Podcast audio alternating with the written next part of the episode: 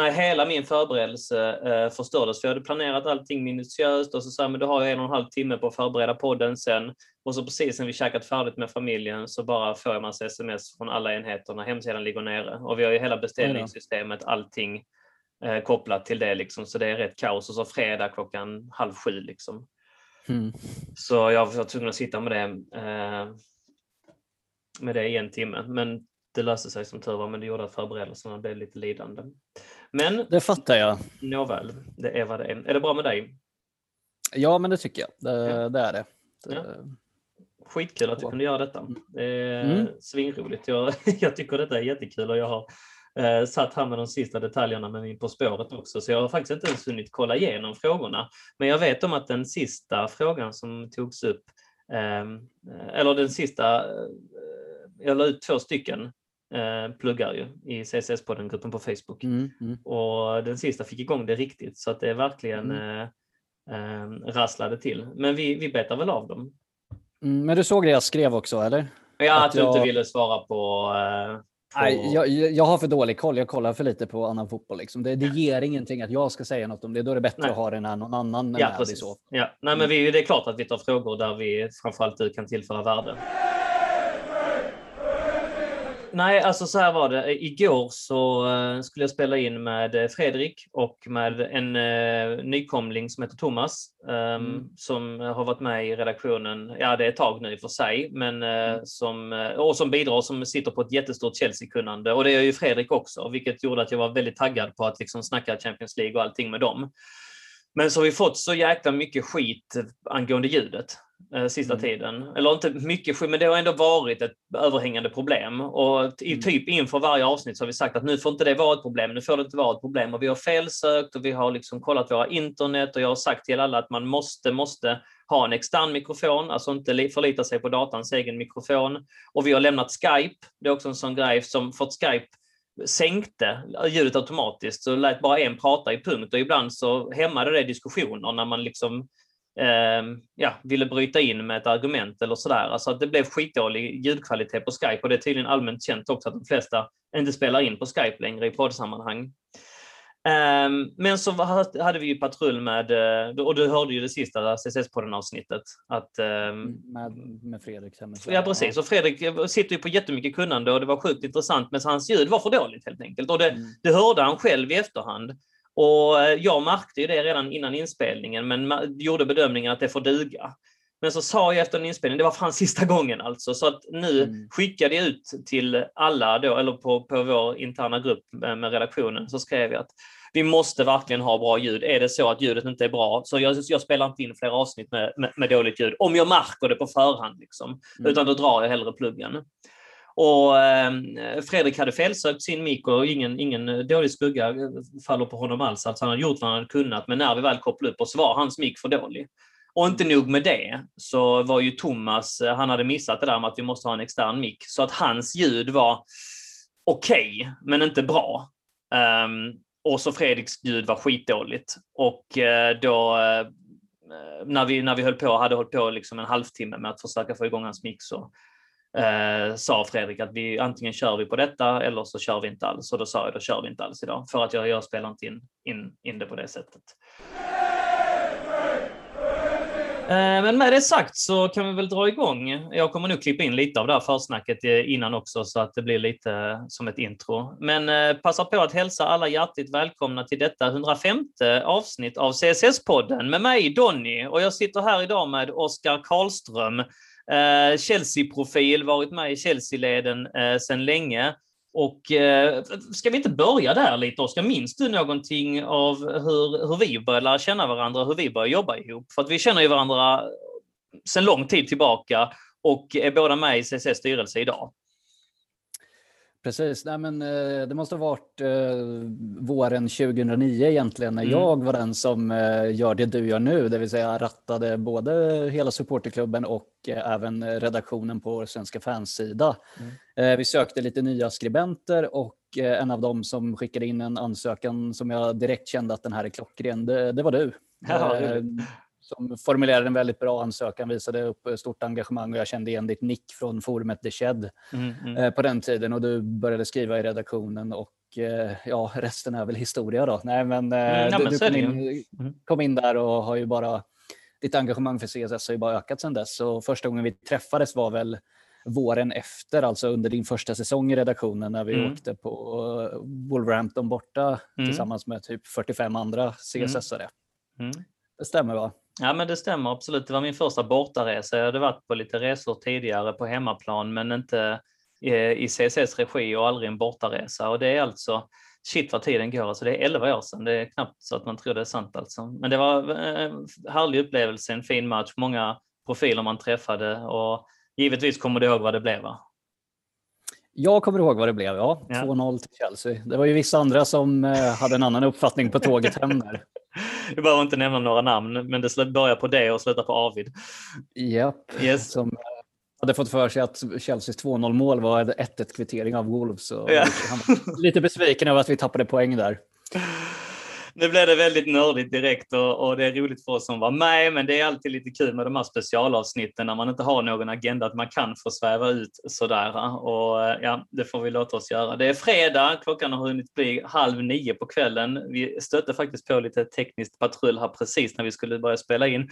Och inte nog med det så blev jag upphakad med, med jobb också, men Oskar, tålmodig man som han är, så mellan fingrarna och lät det skjuta lite grann på tiden trots att han har både andra järn i elden och familj och så vidare. Så att det är vi mycket eh, tacksamma för. Och jättekul att vi kunde eh, råda ihop ett avsnitt så här, eh, även om eh, det sket sig igår med det tänkta avsnittet. Men bara för att förklara så eh, är formatet lite annorlunda som sagt. Vi har ingen agenda att utgå ifrån och vi pratar lite grann bara som två vänner pratar här. Vi eh, har varsin öl med oss eh, in i sändningen höll jag på att säga och humöret är på topp. Det är ju fredag och, man njuter lite grann fortfarande, Oskar. Visst är det så av Champions League-triumfen, semifinalvinsten mot Real Madrid. Det var inget snack, eller hur? Om vi bara börjar där.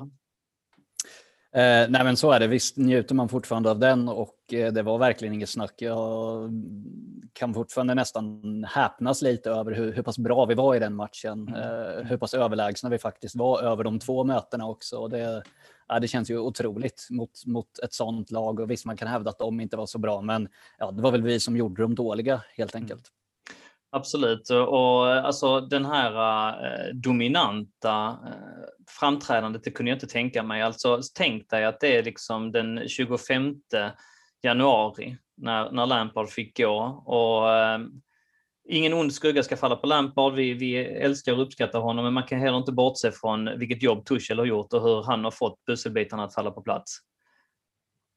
Nej, men så är det visst. Eh, man älskar fortfarande Frank Lampard lika mycket och jag hade svårt att ta till mig Tuchel i början av, av den anledningen just. Mm. Men eh, nu är det bara att erkänna att det var en uh, otrolig tränare vi har fått in och liksom så som han har satt först och främst defensiven är ju väldigt imponerande och uh, börjar också få lite utväxling i vissa spelare som hade det svårt under Lampard. Jag tänker kanske i huvudsak på Kai Havertz som den senaste mm. veckan har varit helt fenomenal, men även vissa andra som har höjt sig. Så det, ja, även om det kanske egentligen är lite tidigt att utvärdera det redan nu så känns det som att det var ett korrekt beslut att byta tränare och ta in just den tränaren vi tog in. Samtidigt i detta så tycker jag det är väl klart att det är lätt att, att eh, ställa det ena mot det andra och det är klart att det finns många dimensioner i det och, och många faktorer att väva in i argumentationen. Det är inte bara svart och vitt och så vidare. Eh, men någonting som jag tycker är viktigt att lyfta fram är att man får ändå ge Lampard cred för grundjobbet han satt. Jag tycker det hela den här biten med att integrera ungdomar, även om man i vissa fall överspelade vissa ungdomar tycker jag. Men, men alltså Mason Mount, eh, den, den resan han har gjort hade ju kanske inte varit möjlig med en annan tränare. Eh, uh, Reece James är ju, är, måste också nämnas i det sammanhanget. Alla spelarna som han fick in, uh, att han tog oss till en fjärde plats under väldigt ovissa förhållanden uh, under en transferban och så vidare. Eh, i första säsongen. Han gjorde väldigt mycket bra Lampard också innan det faktiskt började gå nerför i, i rask takt. Mm, absolut, Nej, men det håller jag med om och det är ju lätt att man kanske glömmer det. Men, eh, mm.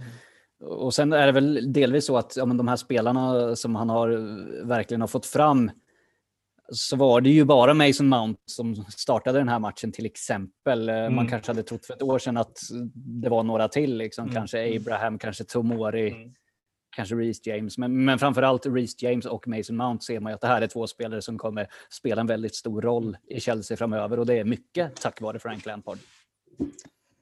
Vi har lagt ut eh, två frågetrådar på vår CSS-grupp på Facebook och vi ska beta tag i dem alldeles strax. Vi är fortfarande på introt, eh, men jag tänker att vi skulle till detta intro, tänkte jag bara så här på uppstuds, att vi, att vi ändå pratar lite grann om den här Champions League-matchen.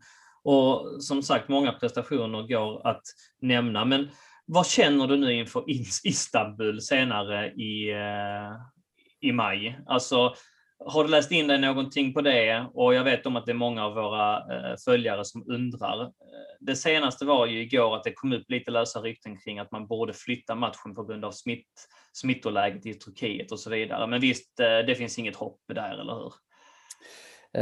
Ja, det hade jag nog hållit med om fram tills alldeles nyss innan inspelningen då jag läste på Twitter att Turkiet har blivit rödflaggat på något sätt. Om, mm. Av vem vet jag inte riktigt, liksom, om det är eh, de brittiska myndigheterna eller om det är Turkiet själva eller något. Men något ja, red light för Turkiet och vad det innebär vet jag inte. Men det kan ju vara att det där öppnas en möjlighet att flytta finalen och det rimliga då vore ju att flytta den till England eftersom det är två engelska lag. Men det finns väl inga garantier för att det blir just så. Och, och ja, det kan man inte komma ifrån att det är tråkigt att när vi når vår tredje Champions League-final, vår första på nästan tio år, mm.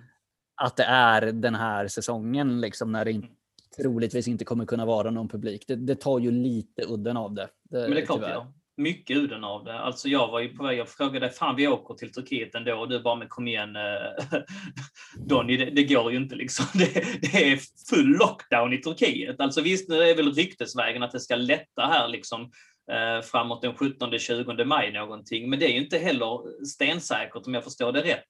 Och, och just det här med reserestriktioner, det är ju rödflaggat från svenskt håll. Alltså UD avråder resor till Turkiet.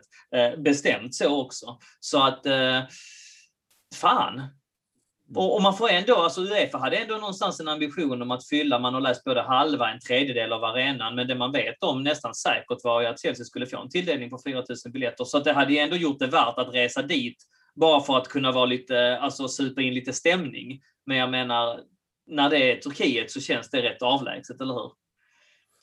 Ja, och jag vet inte hur mycket stämning det hade varit, för även om det är 4 000 biljetter så, så som läget är nu är jag inte ens säker på att vi skulle skicka 4 000 supportrar eftersom det är så osäkert och man vet inte. Och liksom, mm. Jag har sett folk som har flygresor bokade dit, mm. men de är en liten minoritet. Det, nej, det hade, oavsett så hade det inte blivit liksom i närheten av vad det hade varit i vanliga fall. För då hade vi givetvis åkt. Då vet jag att både du och jag hade bokat flyg samma sekund mm. som Mason Mount satte 2-0 målet eh, i onsdags kväll. Som det är nu så har ju Turkiet alltså högsta infektionsration i hela Europa. Um, och om man nu, Istanbul ligger i Europa. Uh, Turkiet är väl delat mellan Europa och Asien. Men det som talar emot att man flyttar matchen är ju att man gjorde det ju förra året. Det skulle ju ha spelats eh, på Atatürk Stadium redan förra året och då flyttade man den. Men eh, och just den här politiken tror jag, jag tror det blir svårt för Uefas håll, det är i alla fall det jag läst in mig på, att man, man eh, har kraftigt motstånd till att flytta den en gång till. Om det inte är så att man hittar liksom det här med att ja, det är för stort stort riskområde i termer av corona. Och ja, vi får väl se. Mycket har förändrats på kort tid tidigare i, i detta. Men eh, om vi släpper det för tillfället, vad tror du om våra chanser i finalen? Eh, vi har definitivt en god chans och efter den här uh, utskåpningen av Real Madrid mm. så känner man ju sig mer Eh, positiv inför finalen. För vi, vi möter ju det som solklart är Englands bästa lag. Och mm. även om vi slog dem här för några veckor sedan så var det en fa Cup semifinal där de väl inte riktigt gick ut med sitt bästa manskap. Och, och, ja, och vi möter dem imorgon. Liksom. Sen är frågan om kommer den matchen överhuvudtaget ge en indikation inför Champions League-finalen? Det är, har jag svårt att tro. Utan det, det är en egen isolerad match och liksom vi, vi, kan, vi kan slå alla, eh, inklusive City. Hjärtligt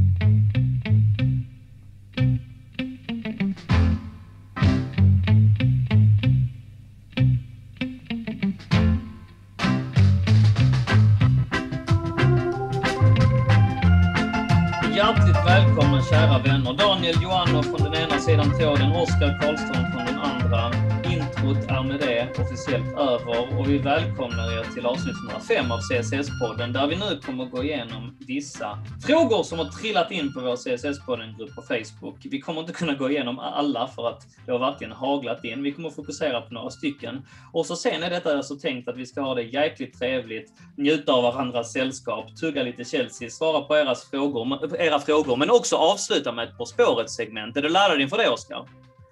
Jag är laddad inför det och jag har provtryckt det idag på vår gode vän CSS-aren Martin eh, Jakobsson heter han inte längre, men han är så är oh, känd okay. i CSS. Vi, vi var, häng, hängde, hängde lite i lekparken här på eftermiddagen med våra döttrar. Så då, han, fick, han fick fyra poäng också kan jag rapportera. Okej, okay, yes. Mm.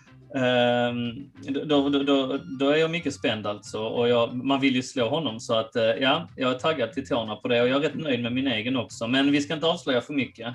Och så sen så vill vi jättegärna veta eh, från er lyssnare i CSS-podden-gruppen när ni tog Ehm, de rätta namnen. Men, måste säga redan nu inledningsvis, tänk då på att skriva att jag tog Oscars eller jag tog Daniels på detta och detta. Men outa gärna inte namnet i tråden. Det var några som gjorde det misstaget förra gången. Och vi har lyssnare som lyssnar direkt och vi har lyssnare som lyssnar på natten till nästa dag. Och vi har lyssnare som lyssnar på morgonpromenaden. Men vi har också lyssnare som lyssnar långt senare på dagen och ibland senare i veckan. Så vi väntar in dem också och inte snurrar dem på konfettin.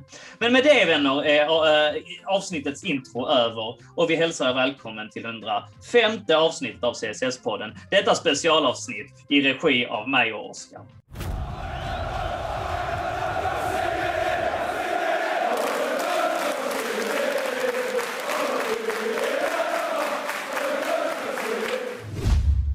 Oskar, sådär. Ni vana trogen efter introt eh, på en fredagskväll så ju, måste vi ju knäppa en, eller hur? Så är det. Absolut. Skål. Skål på dig. Härligt. Fan, jag är taggad. Eh, ska vi tugga tag i frågorna direkt? Absolut. Kör på. Jag ska hitta eh, en av de första här. Eh, loggar in på CSS-podden-gruppen. Och så ska vi se.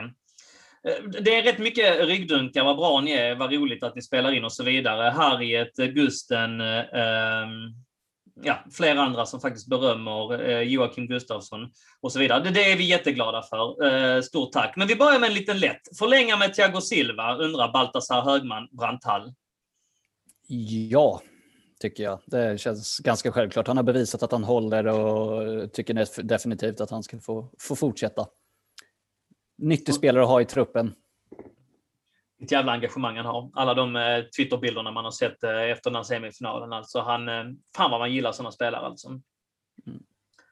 Jag tror att vi kanske kommer, att det kanske är någon fråga om detta också, för jag har faktiskt inte ens hunnit läsa. Jag sa det, att vi fick ett, jag fick ett eh, jobbdebackel på halsen precis innan jag skulle förbereda mig. Annars hade jag läst igenom frågorna på förhand, men det har jag inte. Men eh, om man ställer eh, Hazards reaktion till exempel, så tycker vi, vi, vi kan ju småflina lite åt det, för det kan väl ingen av våra lyssnare ha undgått att se att eh, han har fått rätt mycket skit i, i eh, både media och social media kring att han eh, catchade upp lite grann där efter slutsignal och fnissade lite grann med sin goda vän Kurt Zuma som han inte har träffat på väldigt länge och ja, som man också kan sunt anta inte kanske han har haft så mycket kontakt med i och med corona och så vidare. Eh, men att han fnissade var ju en dödssynd, eller hur? Eh, ja, men det tycker jag faktiskt. Alltså jag, jag köper fullt ut de, de hårda reaktioner som kommer från Madrid-håll här. För att jag eh, hade blivit förbannad om en Chelsea Man hade blivit förbannad själv. Ja. ja. Oh, ja.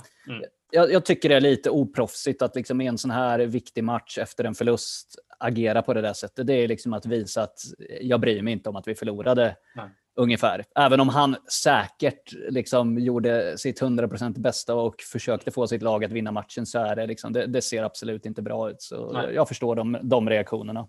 Ta det i spelartunneln i så fall, eller hur?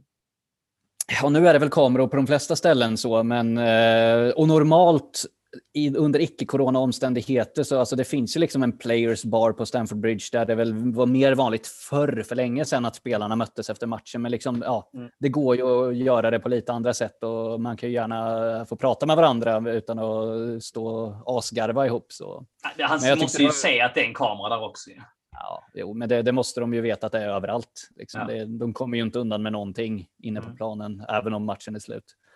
Men det, det, var kul att se det här eh, klippet från spansk tv när det är någon gubbe som sitter i en studio och först bara är tyst i 20 sekunder och sen håller en två minuters monolog ja, om, ja, ja. jag antar liksom vad, om vad Hazard håller på med och mm, så att det, den, Mycket den besviken. Där, ja, det var, ja då, då skrattade man lite faktiskt. Det här kommer ju i kölvattnet också av att Hazard har eh, underpresterat eh, sen sin eh, miljardtransfer till Real Madrid och eh, tampats med skador och inte alls eh, levererat eh, på det sättet som man hade förväntat sig och även fått utstå lite skit faktiskt av experter. Damien Duff gick ju rätt hårt mot honom här i en intervju för en vecka sedan och sa att han kommer aldrig nå de höjderna som Messi och, Ronaldo. Och jag menar Ronaldo, likheten är ju slående i och med att han någonstans skulle bära hans mantel, fick ta över hans tröja och så vidare skulle liksom bli den här galaktikon och, och stjärnvarvningen. Men som Damien Duff sa så dyker han upp fet och överviktig och otränad. Och han har ju lite det i sig också, Hazard, va? det här livsnjuteriet som man undrar hur högt han hade kunnat nå om han bara hade gett fan i det. För att visst är han glad i livet. Liksom. Mm, ja, han hade nog kunnat vara lite mer professionell och liksom mm. satsa lite mer. Och sen, sen tycker jag väl i och för sig att här, ska man jämföra med Messi och Ronaldo, ja men då är alla fotbollsspelare ett misslyckande. Liksom. Det, det, det, det är kanske fel nej. jämförelse. Nej. Men, men, man kan ju äh, jämföra hans två säsonger i Real Madrid med vad eh, ja, random spelare har utfört, så är det ju inte heller eh, slående direkt. Nej, nej, verkligen inte. Och det var väl en, också en fråga vi fick här om vi skulle ta tillbaka honom nu, om möjligheten ja. fanns. Vad säger du om det? Aldrig i livet. Alltså helt ärligt, jag gillar ju Hazard jättemycket. Eh, men eh, nej, alltså jag ser ju inte att eh, varför, vad, vad, vad skulle vi med honom till? Alltså, det strider mot all logik. Ska vi ta in nya spelare nu så är det ju spelare som, som Tuchel vill ha. Och eh, vi spelade ett helt annat spel stundtals med Hazard. Vi förlitade oss på honom till 150 procent i vissa matcher och levererade inte han, vilket han ibland inte gjorde. Folk glömmer bort det. Han var inte bara briljant för oss. Alltså, han hade perioder där han var omotiverad och usel och inte syntes alls på planen. Men så kunde han glimtra till och, och ta en, en boll och driva igenom ett mittfält och ett försvar och sätta den som han gjorde mot Arsenal till exempel när han skakade av sig, eh, vad heter han, Ja, det var ju halva laget ungefär. Halva laget, ja. ja men jag tänkte ja. på han eh, franska backen där som jag glömt namnet på. Francis Coquelin, eller vad heter han? Nej, nej, nej. nej. nej. Ja, skit i samma. Ja, men eh, och, och, och satt den i alla fall. Och jag såg honom en match live med min Stella när han gjorde ett liknande mål mot West Ham. Så att alltså, han kunde göra sådana briljanta mål också, men eh, Hans högsta nivå, det är ingen tvekan om att han hade. Det är lite tvekan om han fortfarande har, men att jag vill ha tillbaks honom, nej tack, hur charmig han än är. Hade du tagit tillbaka honom? Nej, jag håller med. Liksom, dels ser jag inte riktigt någon plats för honom i det lagbygget och liksom, tittar man framåt så satsar jag mycket hellre på Christian Pulisic och Kai Havertz i, i liknande positioner. Att det, det, känns inte som att han skulle passa in. Um, och sen, ja, men jag tyckte också om Hazard, han var en fantastisk spelare för oss, men eh, jag håller honom inte liksom så himla högt ändå. Dels för som du säger att det, hans lägsta nivå mm. var lite för låg och mm sen, ja men, liksom man har inte tagit honom till sig på det sättet som man gjorde med, ja men givetvis Frank Lampard och John Terry, men även Peter Cech, Didier Drogba, Ashley Cole, vissa liksom andra spelare. Eh, Cesar Aspilicueta i viss mån. Liksom. Jag tycker mm. att de är mer fanbärare för klubben än, än vad han någonsin var. Mason Mount kommer garanterat bli det också. Mm. Ja, där, där, vet jag faktiskt inte om jag håller med dig. Jag, jag, tycker att han är en fanbärare för klubben och han var i, i klubben i det, sju, åtta år och har vunnit väldigt mycket för klubben och eh, bidragit på en väldigt... Jag, jag, jag, tror fortfarande när man pratar om honom som hans om, om, hans talang så är det många som jämför honom med Sola och det är faktiskt rätt många som vill ha honom snäppet över Sola. Du kommer inte hålla med om det. Men vad var, vann han? Två Premier League-titlar, eh, en, en näve cuptitlar, eh, Europa mm. League vid två tillfällen. Alltså, jag, jag, tycker nog att han är så pass stor i Chelsea så han ändå är liksom snuddar vid, vid legendstatus. Och jag tror nog att jag hade placerat honom i samma fack-ish som Ashley Cole och eh, Cesar Aspilicueta, men absolut inte i samma fack som John Terry och Lampard. Mm. Äh, men jag eh, håller med. Han var ju en av våra absolut viktigaste spelare när vi vann ligan 2015 och 2017. Det, det kan man ju verkligen inte ta, honom, eh, ta ifrån honom.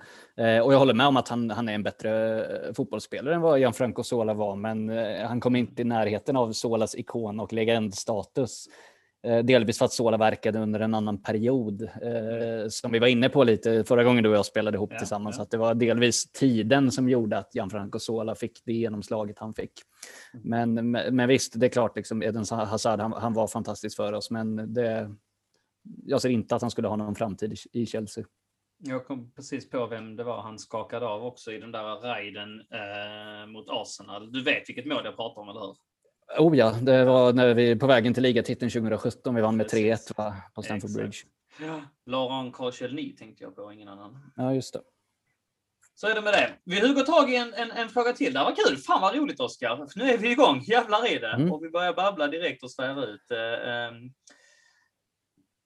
här har vi en skitrolig, men den tänker att vi sparar till lite senare. Ska jag ta en då? Yes, som. Eh, rör dagens Chelsea i allra högsta grad. Det är Filip Bergenblad som har skickat in en fråga. Hur många säsonger kan vi behålla Thomas Tuchel i den bästa av världar? Ja. Chelsea är väl ett delmål och när han har lyckats här eh, med att ta flera titlar vill han väl iväg på nya äventyr menar jag, skriver mm. Filip. Vad, mm. vad tänker du om Tuchel och framtiden där?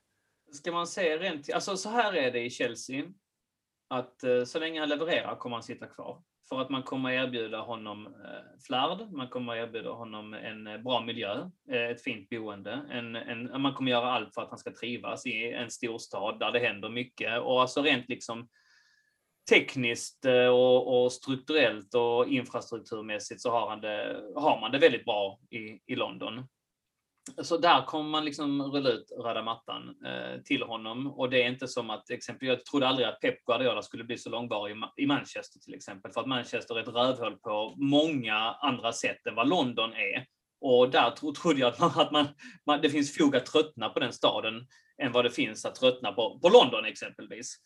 Um, Däremot så kan man komma, så jag, jag, tror inte att han kommer självmant gå um, om det inte är så att uh, man skulle erbjuda honom något helt sjukt någon annanstans. Så jag kan inte se vad det skulle vara. Så att jag tror att han mm. kommer sitta så länge han får sitta. Uh, däremot så kommer titlarna utebli så kommer han gå och det kommer de att göra förr eller senare. Så är det. Det, det är all, all logik eh, pekar på det. Så att då är bara frågan om hur mycket förtroendekapital han har byggt upp. Och det håller han ju på att bunkra just nu. Eh, så att jag menar, om det skulle börja skakigt nästa säsong så kommer han nog få den säsongen på sig. Men skulle nästa säsong igen börja skakigt, då kommer han gå. Och det, det, det, vet man liksom inte. Det kommer alltid kunna finnas omständigheter att peka på, kanske en väldigt skadedrabbad trupp eller en ung trupp eller varvningsförbud eller vad våra andra tränare har skyllt på i historien. Och det kommer alltid finnas omständigheter som är förmildrande. Men det vi vet om är att historiskt sett en tränare som inte levererar i enighet med målsättningarna får gå. Oavsett om de heter Mourinho eller om de heter Lampard. Vår ledning är pra pragmatiskt lagd och eh, det har varit eh, det har eh, nått framgång, det, det, det sättet eh, som man har arbetat på.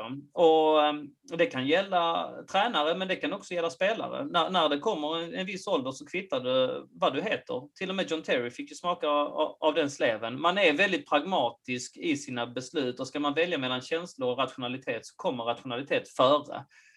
Jag tror att Tuchel sitter tre, fyra år ungefär, kanske, om det vill sig väl. Men jag blir inte förvånad om man bara sitter två år också. Oskar, vad säger du? Uh, jag tänkte fråga, vet du vem den senaste Chelsea-tränaren var som själv valde att lämna, alltså som inte fick sparken utan eh, valde att lämna för något större eller något bättre? Ja, det vet jag. Ja, Maurizio Sarri. du hävdar det? Ja, men det gjorde han ju. Han blev ju draftad. Han blev, de de uh, sålde ju honom. Fick, fick pengar för den. Så att han blev inte Okej, ja. Han kanske jag glömde bort. Sen kanske han hade fått sparken ändå, eller? Ja, precis, precis. Det, Mm. det hade han förmodligen. Men, men man, jag tror Mm. att man, man eh, använde sig av dem, den politiken som fanns där och då och passade på. Men man fick ju de facto 3 eller 4 miljoner pund och de löste honom från kontraktet Juventus. Men jag vem Mm. tänkte du på innan dess då? Om vi, om vi förutsätter. Jag, för jag tror den shitstormen som han upplevde där från fans eh, i, i, slutet eh, så hade han nog fått gå i vilket fall som helst. Ja, det tror jag. Men eh, rent eh, eh, formellt så, så blev han faktiskt, så gick han på eget eh, bevåg. Men vem, vem, det, det måste väl fan, hur långt bak är vi nu då? Hoddle va? Ja, precis. Det är det ja. ja. Mm. För, för landslaget, eller hur? Precis, Ja, 96. eh, Glenn Hoddle som tränare i Chelsea fick bli förbundskapten i England eh, istället. Yes. Eh, men annars har det inte varit tal om att någon liksom, ja, men just har lämnat för något bättre. Möjligen, möjligen Sarri som du Mm, säger. mm, Och, mm, eh, och, jag tror inte heller att det kommer ske, utan jag tror att den dagen han lämnar Chelsea är det för att klubbledningen har tröttnat. Det, för så har det ju sett ut med alla andra. Eh, så, och och det, vi är ju en klubb på den nivån att ja, men det finns knappt något att lämna för som är bättre som du var inne på lite. Möjligen i hans fall, det är väl tyska landslaget kanske. Alltså, men, Men det är ju inte, han vill ju inte, han vill ju spela, han, det märker man Mm. ju på honom att han myser. Han vill ju spela vecka in, vecka ut. Han vill inte spela. ja, bygga lag på ett annat Precis, sätt. Liksom. ja. Ja. Mm. Ja, sjukt intressant. Hannes eh, Bergenfur ställer en jätteintressant fråga här. Vilken tycker ni är det snyggaste stället vi haft? Personligen är jag svag för det vita bortastället 0405. Det har jag. Vad Mm. tror ni Och visst, spelar? Vad sa du? vi- visst menar han 0304? Det är det här med Fly Emirates med två blåa... Precis, för att jag tänkte precis, över- jag ja. har den med, med, med 25 och Sola, så att han måste, han, han tar fel där, eller hur? Mm, det är 0304 och då spelar Ja. det väl i och för sig inte Sola heller. Men, eh, Men jag tryckte Han på hade- det i efterhand, ska jag säga det. absolut. Yes. Ja. så att jag Ja, gjorde jag- det, men ja, snyggt. Jag Eh. håller med om att det är ett av de snyggare. Det är också en av mina favoriter som jag ofta återkommer till. Mm. Sen är jag svag för eh, ett ställe vi hade med två olika sponsorer på 90-talet och det är bortastället det gula och blå som vi hade med först med Yes. Course och sen med Autoglass Mm. eh, som vi hade mellan 96 och 98. Det är väl två riktiga favoriter så. Eh, tyvärr inte så många favoriter på senare år. Eh, gillade även jubileumströjan som vi hade 0506 100 års. Den var väldigt, eh, lite mörkare i tonen, eller hur? Mm, jo, men det var en lite Och så guldinslag lite guldsegment, ja precis i kragen. Den Mm. har jag också med, eh, ja, jag tror inte jag har någonting på ryggen där. Ehm, jag, jag måste säga att jag tycker årets tröja är skitfin. Den är clean, stilren. Förra årets tröja gillar jag inte alls med massa mönster i eh, tyget. Men den här tröjan tycker jag är, för att vara en modern tröja så, och jag vet om att det liksom är så här, ah, men man ska, man ska alltid dra fram något skitgammalt ställ när man pratar ställ. Det är mer credit. Men, men jag, jag tycker årets tröja är en eh, 10 poängare. Den är full pott alltså. Mm. Nej, men så är det ju. Liksom. Det, det är lite kredit och sen är det också lite nostalgi blir det ju för oss också. Alltså man minns tillbaka och det finns för mig i varje fall ett helt annat skimmer över det Chelsea som fanns då. Liksom. Och just det att ja, men man var barn och man, liksom, man upptäckte och allt var nytt och häftigt och så. Alltså det, det, blir, det är svårt för mig att 2021 bli imponerad av en fotbollströja. Liksom, för att man har sett det mesta och det är inte lika spännande heller. Det, det. vi fick väl en annan liknande fråga om vi ändå bara pratar lite tröjor. Mm. Ehm, nu hittar jag inte den här, men det var ju nu någon som undrade varför det är så många fula bortatröjor nu. Här, eh, vår- Bengt Larsson, vårt ljusblå bortaställ ser ut som vi spelar i pyjamas. Vi lär ju slippa det borta mot City, men varför är det så svårt att få till ett snyggt bortaställ? Och, och där tycker väl jag problemet är att de måste spotta ur sig ett Ja. bortaställ och ett tredje ställ varenda säsong. Liksom. Gärna det- jubileumsställ också. Ja, men precis. Ibland lite ytterligare så. Det, och det fattar man ju varför. Det är för att sälja så mycket som möjligt. Men det, ja, till slut tar idéerna slut och de måste hitta på massa konstiga saker. För de kan ju inte se exakt likadana ut varje år. Och det, det medför ju det här. Jag, jag gillar det som det var förut. Att det kom ett nytt bortaställ varannat år. Man körde med det i två år. Och när man bytte, ja, men då blev det gamla bortastället tredje ställ säsongen efter. Liksom. Så att ja, men på en fyraårscykel hade man två olika andra Precis. och tredje tröjor istället för åtta olika som man har nu på samma period. Men det är, ja, det är lite andra krafter som styr nu för tiden. Jag kommer alltid gilla 0809 hemmatröjan där för att den hade krage. Och den får mig att tänka på om det var 90, sent 90-tal när vi hade autoglass med den stora gula logotypen eh, och så lite gulare inslag. För den hade också krage. Den, tror jag vet vilken jag menar då? Eh, jag vet vilken du menar. Jag håller med om 90-talströjan, men 0809 det är en av mina värsta. Alltså?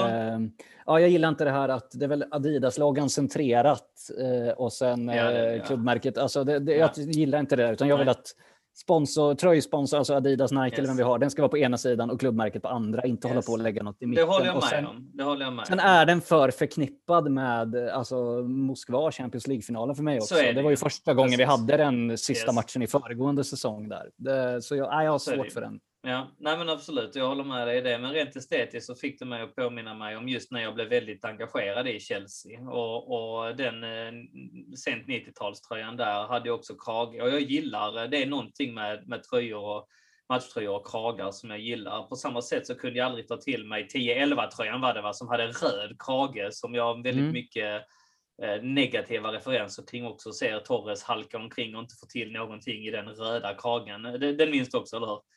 Mm, jo då, nej men det var väl inte heller någon favorit riktigt. Samtidigt som man ju tröjan från året efter 11-12 håller lite extra högt tack vare att det var den vi vann Champions League i. Liksom. Ja, men den var ju ful på förhand. För den, den sa ju alla, den har för mycket vita inslag. Ja. Den var för mm. vit liksom i, i axlarna och det var inte Chelsea på det sättet. Eh, men eh, mm. absolut, eh, den, den, har man ju också. Och så var den randig, eller hur? Alltså, ja, var lite randig. Precis, lite toner av blå, blå så. Ja. Helvete vad nördigt det blir. Du, Oskar, vi vänder på steken. Vilken är den fulaste? Och jag tänker, du får gärna, vi får gärna ta borta och tredje ställ nu. Eh, det, här, det var ingen fråga som vi fick, men det var en spin-off på frågan som vi fick.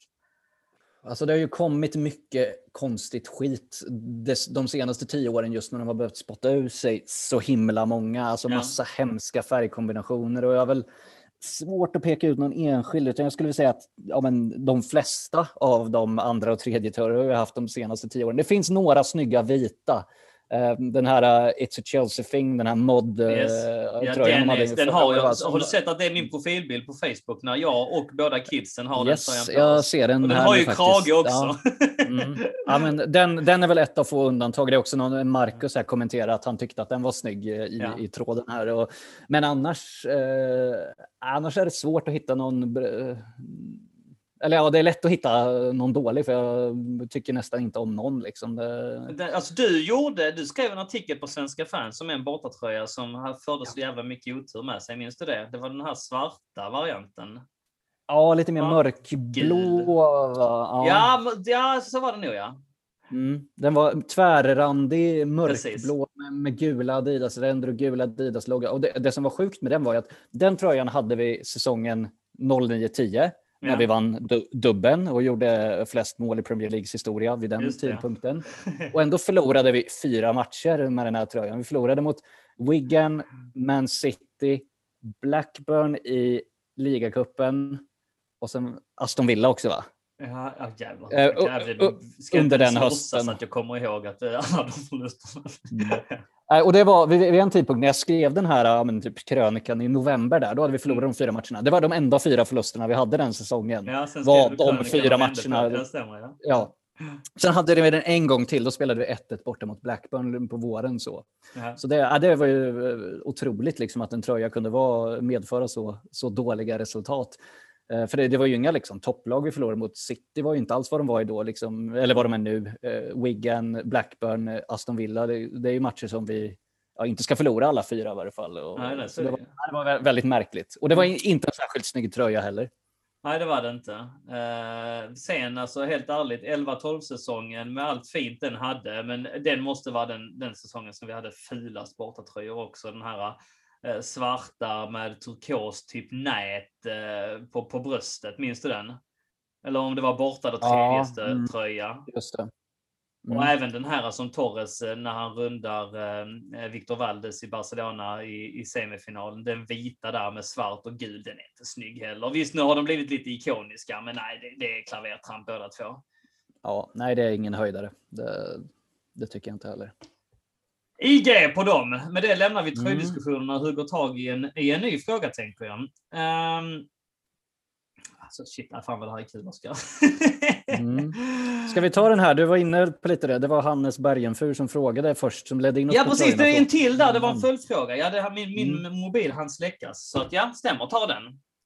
Eh, vad tror ni spelarna i den nuvarande truppen skulle ha för yrken om de inte var fotbollsproffs? Så han ger lite egna förslag här. Giroud fotomodell är väl den kanske mest solklara. Ja. Eh, Aspilicueta gympalärare och att hela Kantés uppenbarelse och aura lyser Foodora-cyklist. Och då antar jag att han är inspirerad av den här kända bilden där Kanté är ute och cyklar och ser jätteglad ut med sin cykelhjälm. Och han är väl i någon fransk landslags Mm.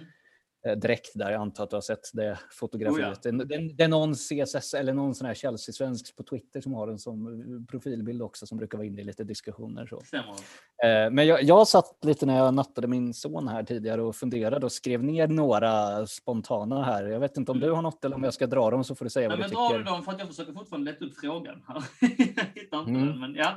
Ehm, och det är bara några jag kommit på och tänkt. Yes. Mm. Ja. Mm. Eh, Thiago Silva tänker jag någon sån här liksom Baywatch, lifeguard, så Åh. liksom sitta och, eh, sitta och steka i solen och sen springa ut Yes. och rä- rädda någon i vattnet. Mm. Ja, 100 procent. Ja. Den köper jag. Eh, Kai Havertz, praktikant. Det spelar ingen roll var, men han har en riktig praktikant-aura tycker jag. Liksom, Ja. att så här, eh, han känns- kopiera lite papper till mig. ja, men lite så. Liksom. Ja. Han känns lite vilsen och, och så. Ja. Mm. Eh, Reece Ehm. James, byggnadsarbetare. Kanske. Det... Han jobbar på bygge, jo, han har gul hjälm och, och så när det blir varmt så sliter han av sig tröjan och bara jobbar i hängslen och, och Ja, men det stålhättestövlar. köper jag. Ja. Mm, det köper jag. Ehm, Mason Mount, känns inte han lite så här techig, lite så här startup i Silicon Valley? Jo. och hänga lite på Google och... Helvete. Ja, ja, ja, jo, verkligen. Ja. Ehm, jag tänker här nu, eh, de kanske är en duo. Tammy Abraham och Callum hudson och Doy, de känns som en riktig DJ på nattklubb i Brixton. Yes, 100 procent. Eh, Lite med deras frisyrer här liksom uppåt, till skillnad från Reece James då, som har sitt neråt. Ja. Eh, ben Chilwell, in investment banking.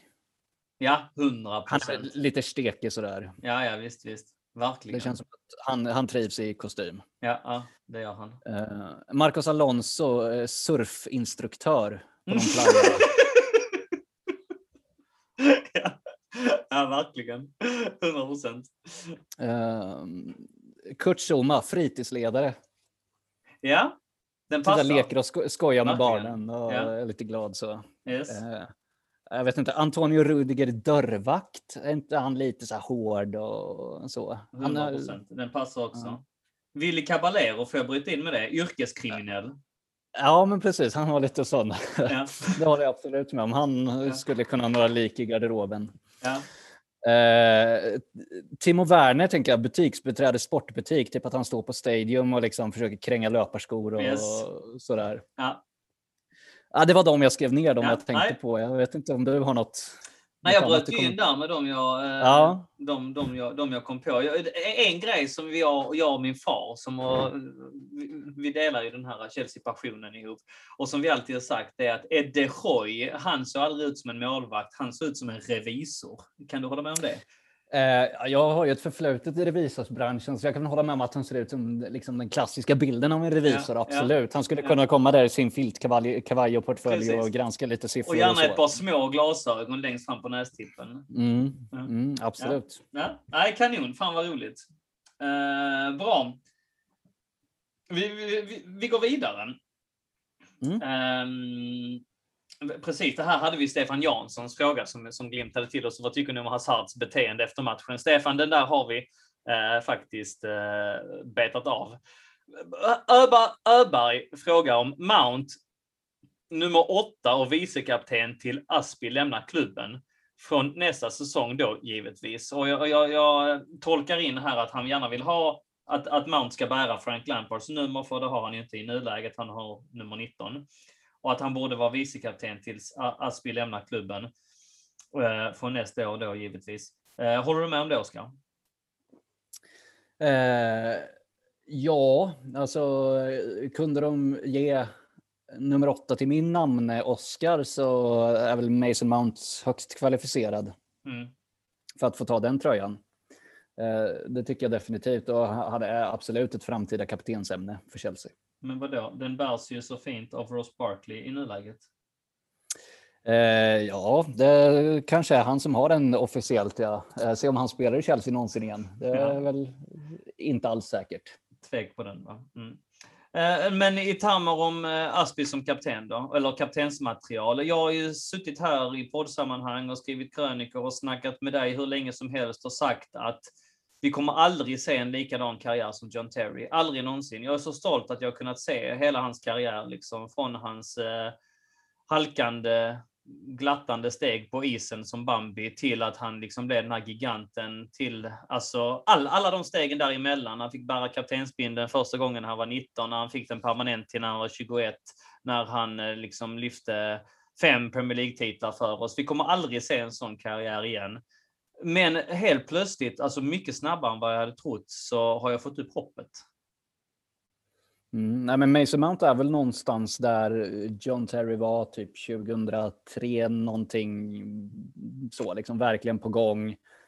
Um, och det var väl först säsongen efter det han fick kaptensbindeln och det, ja, det kanske Mason Mount får inom kort här. Och eh, skillnaden där är att Terry hade en lite brokig start på karriären. Det var lite småskandaler vid sidan av planen medan Mason Mount mm. verkar ha skött sig fläckfritt. Mm. Eh, och är professionell i allt han gör. Och samma sak, jag liksom, man, man tror inte att det skulle komma spelare som John Terry och Frank Lampard igen, men det, ja, det ser ut som att vi kan ha en sån här, även om man har långt, långt kvar, många år kvar innan, innan han på riktigt kan jämföras med dem. Mm, mm. Nej, men så är det, och nu blir han ju hyllad. Och alla de här jävla snacken om att han eh, varit Lampards son eller eh, eh ja,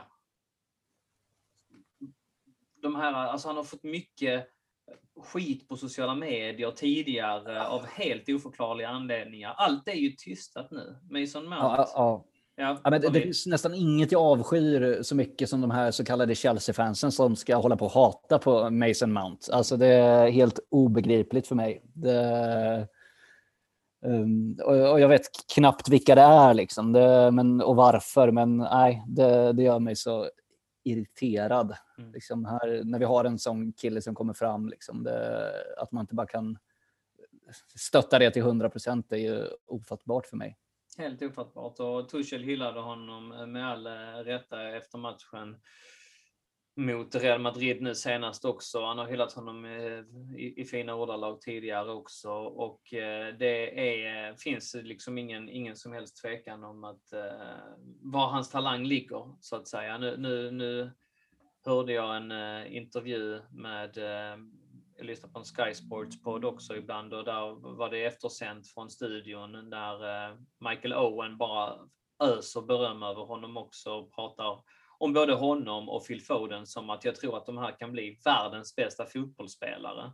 Och Rio Ferdinand eh, håller med. Nu, nu, säger båda två, eh, tror jag, i den här mm, sändningen att de ändå håller Phil Foden eh, snäppet högre, men de, de tror verkligen att båda två kan bli lika bra som Mbappé och Haaland, att vi pratar om att det här är de nästa fanbärarna för världens bästa fotbollsspelare. Eh, tror du att de tar i då eller kan det ligga någonting i det, Oskar? Um, det kan säkert ligga någonting i det. Uh, det enda jag tänker bara när du pratar om uh, att det är Michael Owen som uttalar det, att här, ja, det är bara att titta på Michael Owen. Uh, eh, 1998 var alla övertygade om att det här kommer vara världens bästa fotbollsspelare i tio år framåt och så blev det inte mycket på grund av skador. Så att liksom det, det, är en lång väg kvar att vandra. Mm. Men jag hoppas verkligen att Mason Mount klarar av den vandringen. Mm. Jag tror att han har rätt kombination av talang och psyke i alla fall. Är det någon som ska klara det så är det han. Mm, absolut. Nej, det lämnar vi den frågan. Du Oskar, jag tänker bolla en fråga som är rätt så trixig här eh, till dig av eh, Stefan Torin. Mm. Är du med på den? Jag är med. Jobbar CSS proaktivt inför nästa säsongs utnämnda rese och biljettbehov? Har CSS haft någon kontakt med CFC Overseas Supporter Clubs representanter under denna säsong? Prioriteringsordning vid stor efterfrågan. Är CSS fortfarande Platinum-rankad? Vet CSS någonting om möjligheterna att återteckna TrueBlue-medlemskap? Många frågor från en resesugen men stor, med stor live-abstinens. Eh, ja, vi kan väl ta så mycket vi vet, va, Oskar? Ja, nej, men först och främst jättekul att få en sån här fråga också. Jag tror att det, vi är många som är resesugna med eh, live-abstinens. Och vi vet ju just nu ingenting om eh, nästa säsong, vare sig vad det gäller liksom biljettläge kring Chelsea eller reserestriktioner och så vidare. Och vi, vi, vi har givetvis haft kontakt med Chelsea under den här säsongen och liksom fått beskedet att eh, ja, men, eh, de, de släpper inga True, True Blue-medlemskap utan det blir aktuellt med publik, vilket det ju blev en liten, liten stund där i december. Och nu också på de allra sista matcherna här så är det till säsongsbiljettsinnehavare som bor inom ett visst område i och kring London som, som har möjlighet att köpa biljetter. Och, och den infon fick vi senast i veckan, eller hur? Per. Ja, precis. De har uppdaterat oss varje gång det har släppts en biljettinformation. Att, hur påverkar det här supporterklubbarna? Så den informationen får vi löpande. Mm. Och, eh, vi behåller vår Platinum-status, det är inga konstigheter med det, utan vi kommer ha liksom de, de, de högsta förmånerna och de bästa möjligheterna att eh, skaffa biljett av alla supporterklubbskategorier. Kan du inte bara lite ehm. snabbt innan du går vidare där förklara lite vad Platinum status innebär? För jag tänker, vi har jättemånga lyssnare, alltså vi har mellan 1000, ibland 3000 lyssnare per avsnitt, men vi har bara 700 medlemmar, 780 eller någonting. Ehm, det är jättemånga som lyssnar på den här podden som är Chelsea eh, intresserade, men som inte har slutit medlemskap. Och eh, när vi ibland pratar vi i termer om eh, som de inte riktigt hänger med i, och med all rätta. Förklara lite grann vad ett Platina-medlemskap mm. Eh, innebär. Nej, men det är jättebra. Det är klart vi ska eh, tydliggöra det. Um, ett Platina-medlemskap är en av de eh, medlemskapsnivåer som finns för de officiella supporterklubbarna. Det finns även guld, silver och brons. Eh, det är alltså ingenting som varje individuell medlem direkt påverkas av, utan det finns bara ett slags medlemskap för individuella medlemmar. Men man kan som medlem i True Blue, alltså Chelseas officiella supporterklubb som man kan kalla det, eller, eller liksom vara, off, vara officiellt medlem i Chelsea, Eh, kan man även vara medlem i en officiell supporterklubb, till exempel CSS eller vår motsvarighet i något annat land. Ehm, eh, och då eh, kan man köpa biljett genom den här supporterklubben där möjligheten att köpa biljett styrs av vilken nivå supporterklubben har på sitt medlemskap. Och eftersom vi då är platina-medlemmar, vilket är det högsta som finns, ehm, så har vi bäst möjlighet att köpa biljetter. Vi ehm, kan egentligen köpa biljetter till i stort sett alla matcher som helst eh, till våra medlemmar förutsatt att medlemmarna också är eh, True Blue-medlemmar. Det räcker inte bara med ett CSS-medlemskap. Och, eh, till vissa matcher så krävs det lojalitetspoäng. Eh, där poängkravet för att köpa genom en sån här Platina supporterklubb är mycket, mycket lägre än om man skulle köpa själv direkt från Chelseas hemsida i liksom det vanliga biljettsläppet till medlemmar.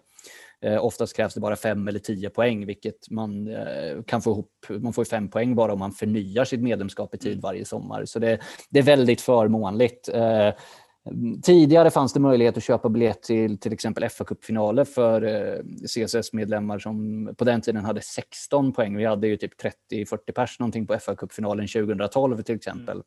Mm. mm. Det har tagits bort nu, så det är egentligen alla matcher utom finaler kan alla CSS-medlemmar köpa biljetter till om de också är True Blue-medlemmar. Till vissa matcher krävs det ett antal lojalitetspoäng, men inte liksom överdådigt. Att säga att åker du, köper du ett medlemskap på hösten och åker på två matcher, eller på, på sommaren åker på två matcher på hösten och du vill köpa biljett på, mot, till Liverpool hemma i april, ja men då, då kan du göra det genom CSS. Eh, så det, det, det, är väldigt goda möjligheter för, för våra medlemmar att köpa biljetter. Det är egentligen det det handlar om då. Och till ett mycket bättre pris än om man skulle då köpa genom exempelvis Steve Perryman. Alltså vi pratar Absolut. utpriser nu alltså. Det är väldigt viktigt att väva in i sammanhanget. När Steve Perryman mm. tar kanske 15-20 000 för biljett så får man genom CSS köpa biljetter för utpriser och det är mellan, vad är de billigaste? 35-40? Um, ja, alltså vi har ju ett litet administrationspåslag och täcka lite portokostnader och så för Chelsea skickar med särskild post och, och, sånt. Men liksom, pratar vi kronor så är det väl ehm, ja, från vissa juniorbiljetter för 200-300 kronor till ja, dyraste biljetten på dyraste matchen strax över tusenlappen. Mm. Mm. Så det, nej, men det är väldigt, väldigt bra. Eh, vi vet inte när det kommer komma igång. Vi vet just nu ingenting om nästa säsong, om det kommer vara tillåtet för utländska supporterklubbar att köpa biljetter nästa säsong kan ju vara något av att, man av smittvägen inte vill tillåta det. Men så fort det är igång kommer vi givetvis gå ut med informationen och vi kommer givetvis som tidigare verka för att ge våra medlemmar så goda möjligheter som, som vi bara kan för att köpa biljetter. Eh, Stefan frågade också efter prioriteringsordning vid stor efterfrågan. Och, Får jag bara lägga till just där, ja. innan du går in på den, att det vi vet också är att eh, man släpper in, för, eh, man släpper in publik till fa Cup-finalen mot eh, Leicester och man kommer att släppa in publik mot Leicester i sista hemmamatchen. Det har eh, man gått ut med i dagarna. Men man har också kraftigt eh, understrukit att det är alltså bara hemmasupportrar och bara bosatta i England som man kommer att sälja, sälja biljetter till. Men det är, och det är ju såklart ett begränsad upplaga, några tusen biljetter sådär. Men det är ett stort steg i rätt riktning att man har tagit de här besluten. Och, och det är ljusning och det gör mig jävligt glad ska jag säga. Så, mm. fortsätt Oskar. Ja, men, oh ja, så är det. det. det är positivt eh, att det ändå släpps in folk. Mm. En annan fråga lite om prioriteringsordning vid stor efterfrågan. Och där, det är sällan på hemmamatcher, eh, eller egentligen aldrig, som CSS inte har fått alla biljetter vi har sökt. Problemet kan ibland uppstå vid bortamatcher där eh, supporterklubbarnas pott som supporterklubbarna gemensamt har till bortamatcherna blir fulltecknade. Eh, och där har vi tidigare haft ett system att den som har sökt först till CSS, den får biljetten om, om vi inte får full tilldelning. Eh, det finns väl en slags ambition om att liksom kanske upprätta något eget lojalitetspoängsystem, men det är svårt. Det är svårt för oss att driva med de resurserna vi har liksom som en eh, ideell supporterklubb. Det är svårt att administrera. Eh, så där, ja, där vet vi inte riktigt hur vi kommer hantera det framöver, men eh, ja, vi, vi, försöker hitta ett sätt som vi bedömer är rättvist och hanterbart för oss. Mm. Så är det. Eh, var det fler följdfrågor i den frågan? Utan nej, ah, jag tror vi har svarat på allt där faktiskt. Ja, ja. Eh, vet CSS något om möjligheten att åter, återteckna ett True Blue-medlemskap? Eh, de öppnar väl upp dörren lite på glänt i veckan va? till att man ska kunna teckna medlemskap till nästa säsong, eller hur? Ja, de, ja, precis. Eller att det kommer komma information. Sen vad det innebär, det är ja, svårt att säga. Mm. Tack så mycket för din fråga och tack för ditt eh, alltid stöttande och peppande eh, engagemang, Stefan. Det uppskattar vi. Jag tänker att vi tar två stycken frågor till innan vi går på på spåret-segmentet. Känns det okej, okay, eh, Oskar? Mm, absolut. Och det var någon som ville att vi skulle ta 11. Vi tar Erik Larholm här. Det är några frågor igen, men den är bra. 11 mot City. 11 nästa säsong, den är sjukt svår, men där kan vi säga vad vi kanske hade velat förstärka, eller var vi hade velat förstärka. Och vilka fem av, av de våra är bäst än så länge? Topp fem alltså, med tydliga motiveringar. Vi börjar med 11 mot City. Och då tänker jag eh, att det är alltså eh, imorgon, vi spelar in detta fredag alltså, imorgon lördag Erik eh, frågar om. Och inte Champions League-finalen. Eller det kanske är Champions League-finalen. Ja, men jag svarar nog samma på båda och det är väl mm. samma som vi, hade senast. Vi tar vår bästa elva då helt enkelt. Det är så ja. Du koppar den rakt av. Ja, men jag tror det. Sätter du Aspis som ytterback? Ja, det är väl möjligen, möjligen om man ska in Reece James där och Men du, vadå, bänkar du Aspi då? Nej, då, då ska ju han ner i backlinjen, men då är frågan vem, vem ska bort då? Liksom? Det, det, det, är inte, det är inte lätt. Liksom. Det, då skulle jag nog plocka bort Rudiger, men det kanske blir lite fel att ha honom ut till vänster. Nej, jag, jag landar nog i, i samma. Eh, delvis för att vi var så himla bra mot Real Madrid. Och jag tyckte att Aspilicueta var otroligt bra. Han har inte riktigt samma offensiva hot som Reece James men tyckte han gjorde det fantastiskt bra. Ja, men han är, alltså, jag, jag älskar verkligen Reece James, men han är, jag vet väl att kanske att Aspilicueta också inte är, eh, ah, att han börjar komma till åren och att det är viss kritik mot honom är rättfärdig, men inte all. Och, och Reece James har förbättringsområden i defensiven. Helt ärligt, det har han. Och, och det känns som att Aspilicueta är säkrare bakåt. Samtidigt så, det enda Reece James slår Aspilicueta på, det är inlägg. Alltså Aspilicueta springer och täcker upp ytor mycket mer än vad Reece James gör. Han är mycket bättre i passningsspelet än vad Reece James gör. Han är mer placeringssäker. Jag var skitorolig eh, för att se honom matcha upp mot, mot Hazard, men eh, jag blev ju tyst. Han, han tystade mig. Jag håller med dig. Jag tyckte han var skitbra i eh, matchen mot Real Madrid. Och jag tycker att han är, alltså han är en unsung hero på något sätt. Så mycket han har gett den här klubben och så mycket han har, alltså från också Lampards behandling av honom där han fick spela varannan match och, och blev marginaliserad till att ha tagit den här extrema rollen och viktiga rollen. Jag vill inte spela en match utan honom. Är alternativet att han får spela på kanten för att vi har för många bra backar i mittlåset? Ja, då köper jag det alternativet före både Rhys James och Callum Hudson-Odoi. Eh, ska citera Tuchel här som han sa efter förra presskonferensen när han fick frågan om, om eh, Aspilicuetas impact på laget så sa han He's a huge factor and a key player for me in this club. He is for me Uh, he expresses everything what I think is typical for Chelsea. He is a fighter, a team player. He does not accept limits. He is always available. He is top, top, top professional and at the same time a very nice guy. Ja, det finns inte mycket att lägga till där. Jag tycker faktiskt att eh, allt socker som strös på Aspilicueta just nu eh, efter den här Real Madrid-triumfen eh, är befogat. Mm. Hade du bytt ut någon spelare då från, från den elvan? Eventuellt framåt. Jaha, berätta. Jag är, inte, jag är inte övertygad om Werner fortfarande, även om jag tycker att han eh, bidrar. Han river upp sår i eh, motståndarförsvaret på ett annat sätt än vad Tammy Abraham och Iro gör. Det kan man inte bortse ifrån.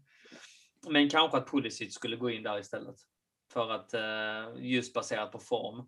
Är det någonting man kunde... Alltså nu får Tuchel får ju rätt hela tiden. Alltså, eh, vilket också gör mig jätteglad. Det, det, är mycket bättre att en tränare får rätt, men jag blev lite förvånad att eh, Werner startade till förmån från, från Pulisic. Och var det någon som uttryckte lite besvikelse efter matchen för att inte fått starta så var det ju Pulisic. Och med all rätt, för han har varit jävligt bra sista tiden. Så att eh, jag vet inte. Jag är fortfarande helt med på att jag, jag, jag lägger mig i Tuchels famn och litar på att han fattar bäst beslut. Men om man ska ta den bästa elvan för dagen så undrar jag inte om Mason Mount, Pulisic och Kai Havertz är bättre alternativ än Mason Mount, Kai Havertz och Werner. Vad säger du framåt? Ja, men det skulle kunna vara så. Det, jag tyckte Pulisic gjorde ett fantastiskt inhopp och det är nästan lite så att jag kände att jag kanske vill ha honom som en super sub att slänga in. Mm i slutet av matchen. Och det, om vi tänker, ja inte nu i ligan såklart, men i en Champions League-final eller en fa Cup-final mot Leicester så kan det ju bli tal om förlängning och så vidare. Och att mm. då ha en lite piggare Pulisic i slutet där som bara kör, det tror inte jag är fel. Så Absolut. jag hade nog valt den eh, taktiken. Så är det ju. Sen så är det ju jävligt tråkigt att få den etiketten på huvudet eh, som han lite har fått, Pulisic. Jävligt bra från bänken. alltså, och det har han ju sagt Tuchel också, så att man vill ju någonstans att det ska om man är så jävla bra på bänken att det ska få sin belöning i faktiska starter. Men nej, nej men jag hör dig. Jag hör dig. Rent pragmatiskt är det ju så. Uh, vi fortsätter. Jag tänker, fan, vi kör någon till Oskar uh, innan vi går mm. på På spåret. Var era känslor och, uh, känslor och tankar kring Mourinho, säger Kristoffer Jansson. Och därefter kommer vi fortsätta med en Kristoffer Jansson-fråga. Men eh, vi börjar med denna. Alltså, jag är väldigt likgiltig inför José Mourinho. En gång i tiden så älskade jag honom, framförallt under första Chelsea-sessionen, men även under den andra. Men allt som har hänt efter det, liksom, han har tränat United, han har tränat Tottenham, han har bara en gammal grinig gubbe, inte alls den här liksom, fräscha uppstickaren som han var för 15 år sedan. Det, nej, han, han betyder ingenting för mig eh, nu för tiden. Jag har sett att han har flörtat med Chelsea på Instagram i veckan och lagt upp massa bilder från när vi vann titlar och så. Det är så jävla dags. Det, ja, det betyder ingenting heller. Det, men, men jag har inget emot honom heller. Jag avskyr honom inte alls. Utan det är väldigt likgiltigt så. Håller du med? 16-17 eh, säsongen när vi vann ligan, eh, då var jag på en match eh, i Manchester, Chelsea-Manchester United, 2-0 till Manchester United. Vi hade ju rätt så bra marginal ner till andra platsen redan då, men vi kunde verkligen cementera, eller cementera, men vi, vi kunde sätta bra avtryck och gå mot en ligavinst vid en vinst mot Manchester United. förlorade med 2-0. Ehm, jag fick biljetter genom en eh, kontakt på jobb eh, som hade årskortsbiljetter på Manchester United i deras, på deras sektion. Och eh, vilket var väldigt surrealistiskt. Så jag åkte dessutom med en väldigt god vän till mig eh, som är norrman och som är jätte-United-supporter. Och han hade följt med mig på en liknande resa i Chelsea där han liksom fick någonstans vara som ulven i fårakläder eh, hela resan. Så att jag fick finna mig lite grann vid att gå på United-pubbar och, och strosa runt i Manchester. Jag, jag tycker det är skittrevligt att vara i en... Eh, jag hade aldrig varit i Manchester tidigare, var i en ny stad, trilla in på en pub här, ta en eh, lokal ale där och så vidare. Och så, så tog vi oss till arenan och så såg vi den här matchen. Men det var så jävla provocerande att se Mourinho gå hela vägen ut till den här hörn Eh, sektionen som de har. De har en spelaringång Paul Trafford som är på ett hörn och inte i mitten av arenan. Och han gick där och, och liksom klappade sig på det här Manchester United-emblemet hela vägen. Så jäkla liksom populistiskt och och där stod jag bland massa firande United-supportrar. Så att den minnesbilden är kvar på näthinnan och jag blir lite förbannad varje gång jag tänker på det. Med det sagt, Mourinho är en människa, han tänker på sig. Eh, jag tycker att han kanske hade kunnat tona ner lite grann han, sin attityd de senare åren för, för sin egen skull. När han var hos oss, speciellt de första åren, så är det exakt som du säger Oskar. Han tillförde något nytt, han tillförde något fräscht. Vi kommer alltid tacka och älska honom för det. Men eh, nej, jag är också rätt så likgiltig eh, till honom och ja, lycka till till honom i framtiden. Men eh, unnar honom liksom inte några jätteframgångar i Roma och, och framförallt när han var en direkt konkurrent mot oss i Manchester United så sp spädde det ju snarare på rivaliteten. Man vill ju slå dem ännu mer för han var där. Så att eh, han, han har lite bäddat sin säng och nu ligger han väl i den, känner jag.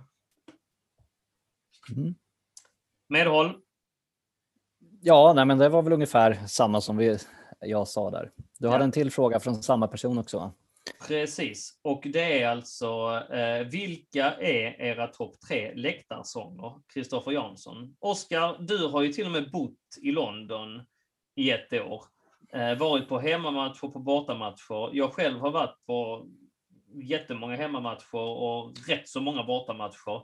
Vi har hört dem alla, eller hur? Och vi kan de flesta. Eh, du säkert några fler än jag. Plocka topp tre sådär rakt upp ur, ur huvudet. Uh, nej, men det är lite svårt, liksom, vilka kriterier ska man gå efter? Och, det första jag kan nämna, jag, tycker sånt här är jätteintressant, uh, det är en reflektion som jag har haft med mig i ganska många år, är att Chelseas uh, liksom, um, vad ska man säga, bas av läktarsånger, de här som går att sjunga i alla matcher oavsett motstånd, inte de som du behöver möta en särskild motståndare, ja. inte de som du kan sjunga när en särskild sak händer på planen eller så, inte Nej. något som är kopplat till någon titel vi har vunnit. De är exakt samma som de var när jag var på min första match 1999. Ja, det, det har inte kommit också. en enda ny sång under 2000-talet som funkar i alla väder. Då menar jag sån här Carefree, ja. um, Overland and Sea Leicester, Keep the Blue Flag Flying High. De här är allmänna, inte en enda ny. Mm. Och det är uselt tycker jag. uh, ja, men det är det. Uh, det har varit i eh, perioder har det varit liksom uh, Ancelottis name is absolut. Ancelotti som ja. har gått en hel jävla säsong. Liksom. Sen så drog Ancelotti ja. så ersattes inte den med någonting. Eller, Nej. Eh, DJ Drogba, tjalalala. Absolut, massa spelare och tränarsånger och om liksom titlar vi har vunnit och, och sånt. Och det, och det är jättekul. Vi har hur många sånger som helst om att leda ligan och sånt där. Men inget som liksom funkar alltid mot alla motstånd i alla väder. Så. Och det är lite tråkigt. Och det är den typen av sånger jag har tänkt fokusera på nu. För det finns ju jättemånga härliga, roliga som man har kunnat köra under korta perioder. Så. Men alltså den bästa det är också den eh, tråkigaste och den mest basala och det är ju våran Chelsea, Chelsea, Chelsea, mm. Chelsea. Alltså det, Men när den, den rungar på alla läktarna på Stamford ja. Bridge, när alla går med i den, för den är så pass enkel så att till och med gamlingarna på East Upper, eh, alltså eh, sjunger med i den liksom. Och mm. Eh, det, det, är någonting för att alla sjunger ju i olika decibelnivå för att man hinner liksom inte höra vad den andra läktaren, vilken Chelsea, Chelsea, Chelsea de är på. Mm. Men det blir ett jävla tryck alltså. Och helvete mm. vad det rungar i ögonen, öronen när, när, det, när den kommer igång. Mm. Ja, men jag håller med. Dels den just på det hemmamatchen när den liksom studsar mellan läktarna och så, men även när en fullpackad bortasektion mm. kör den också. Liksom. Eh, till exempel på Anfield under You'll Never Walk Alone när de måste eh, vrida upp eh, högtalarna där för att man ska höra hemmafansen. Ja. Um, så den är med där. Och sen eh, tycker jag också eh, sången Fuck em all också är en av våra bästa. Den hörs inte så ofta och det är väl förklarliga skäl för den har ju ett ord där som inte är så lämpligt kanske. Men det är också en sång som det kan bli tryck i och så liksom man kan få just det här ekot lite grann på hemmamatcherna tycker jag också. Minns du att vi satt eh, en gång i en match mot eh, Newcastle? Vi hade delat ut ett diplom till Banis Ivanovic 19, 2019, 2011 va? Vara 2011? Jajamän. Och det var 2011, mot ja. Birmingham, va? inte Newcastle? Ja, mot Birmingham var det. ja. Jag koll på det. Va? Ja. Då satt vi på East Upper, eller hur? Ja, West Upper, ja. Precis. West Upper till och med. Ja. ja. Mm. Och så sjöng vi med i den och blev tillsagda av en farbror eh, framför oss, eller hur? Ja, precis. Det var någon som vände sig om och sa till mig Young man, I don't ever want to hear you say those words again. När ja, jag sjöng ja. Han, han blev väldigt provocerad. Ja. ja, we are the Chelsea we are the best, we are the Chelsea, so fuck all the rest. Det vill han mm. inte höra. Nej, nej. Men det var ju några som satt längre bort som himlade med ögonen och jag tyckte att han får väl skärpa till sig. Men ja, det minns jag faktiskt. Det, ja. Mm. Intressant. Uh, så kan det gå. Ja, jo, men så är det ju. Det, och det är väl delvis därför den sången kanske inte riktigt hörs ofta, för att det är vissa som inte tycker det är lämpligt att sjunga F-ordet. Så. Ja, trams. Sånt är det. det är ju inte alls, ja. alltså med all respekt, 2021 så är F-ordet det minsta man behöver vara orolig för. Men eh, nåväl. Eh, andra sånger då, Oskar? Du, du nämnt två stycken, han vill ha tre stycken. Eh, ja, men den sista i så fall av de här mer liksom, traditionella, det är väl Keep the Blue Flag Flying High, eh, som jag tycker, för den är så pass unik för Chelsea också. Jag, det är väl egentligen bara vi som sjunger den på riktigt. Några sjunger ju liksom nidversioner mot Chelsea, men mm. eh, den är våran och jag vill höra den mer än vad man gör. Eh, och gärna med uh, ursprungs... Eller liksom det, ja, det, men får jag fråga dig, vad är det? Hur börjar man? Uh, forever and ever, är, är, är, det rätt början på den? Det, det, är ju lite olika. Vissa kör forever and ever, vissa, vissa kör wherever they go. Mm. Men det är ju, ja men om vi kör då, det jag skulle säga, wherever they go, we follow our team, because we are the Chelsea and we, and are, we supreme. are supreme. We'll never be mastered, be mastered by, by no northern bastard. Nej, det får man inte säga. We keep the blue flag flying high, flying high up in the sky och så vidare. Nej, fantastiskt. Mm. Den är ju helt, alltså den är, går rakt in i hjärtat.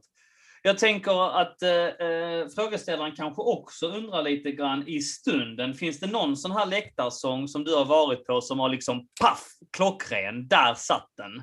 Jag tänker på, eh, jag var inte med på Newcastle-matchen, men Alexandra Churchill eh, berättade om att en hel sektion, om det var Matthew Harding eller Shed, skrev, skrek expelliarmus varje gång eh, Shelby eh, fick, fick bollen i en match mot Newcastle. Sånt är ju skitkul till exempel. Eller mm. eh, ja, låtar som pikar eh, Arsen Wenger på ett eh, ja, icke-politiskt korrekt sätt om man säger så. Har du någon sån i rockarmen du vill ta fram?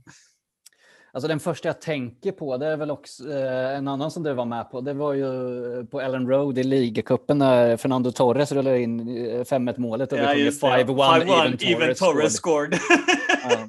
ja. det uh, och det var ju liksom som att, så här, för jag minns, jag, det var en av mina engelska kompisar, Frank, som stod tillsammans med oss där. Och jag minns, jag bara tittade på honom och bara började gapa det där. Och samtidigt liksom var det massa andra som drog igång det. För att det var liksom, det var alla bara tänkte det samtidigt. Ja, att nu är det det vi ska sjunga. Och sen, nej, men det finns en massa exempel och mycket är ju sådana här som man kanske inte var med på men som man har hört om. Och, och så. Det, hade jag tänkt igenom lite så kanske man hade kommit på något mer. Uh, för det finns ju massa, men nej, men det finns ju mycket, mycket rolig läktarhumor så. Det, ja. det gör det ju.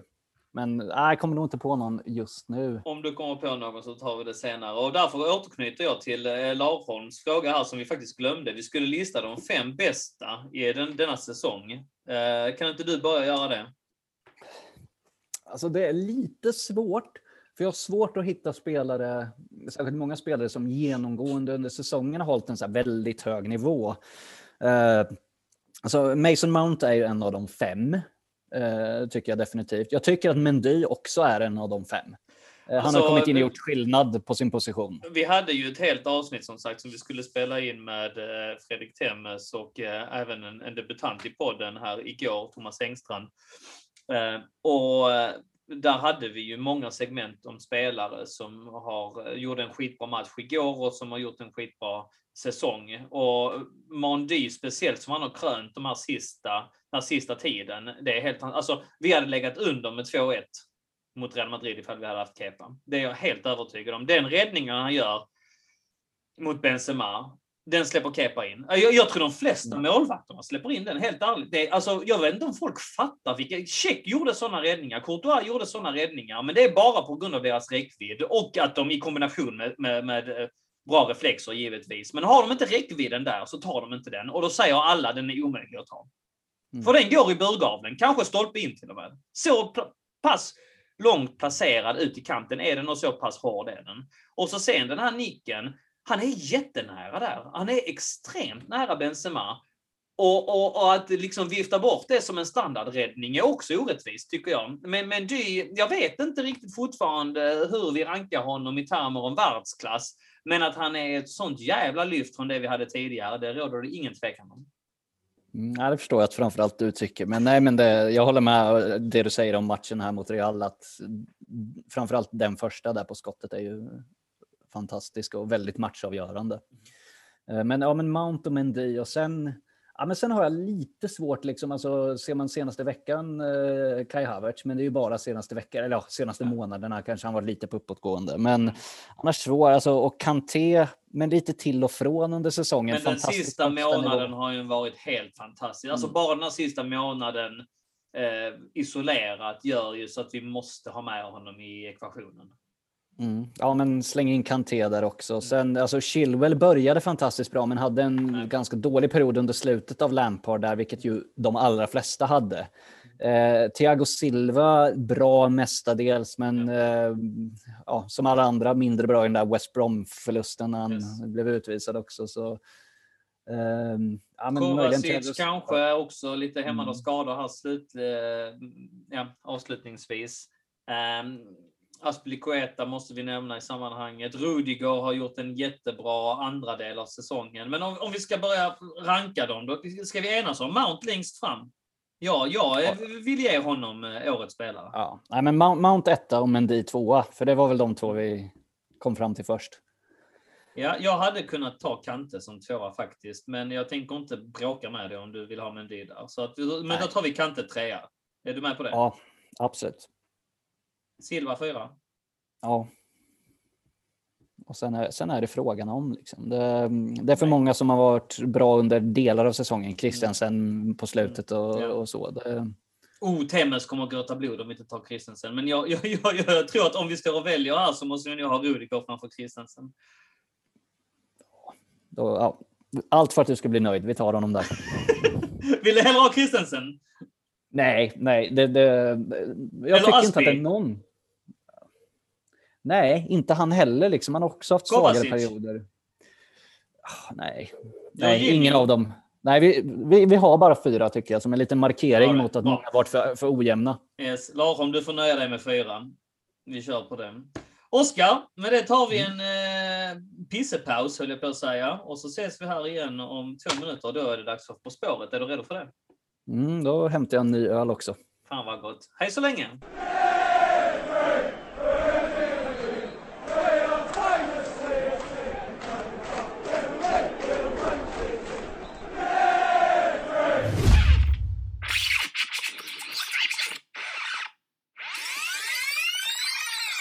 Jag bara funderar på om vi, om vi ska lyfta en fråga till. Det är Nej, några nej. olika som har Ja, frågat det, om... alltså det är för din skull jag kan sitta här hela Ja. natten, men du, du har eh, åtaganden eventuellt.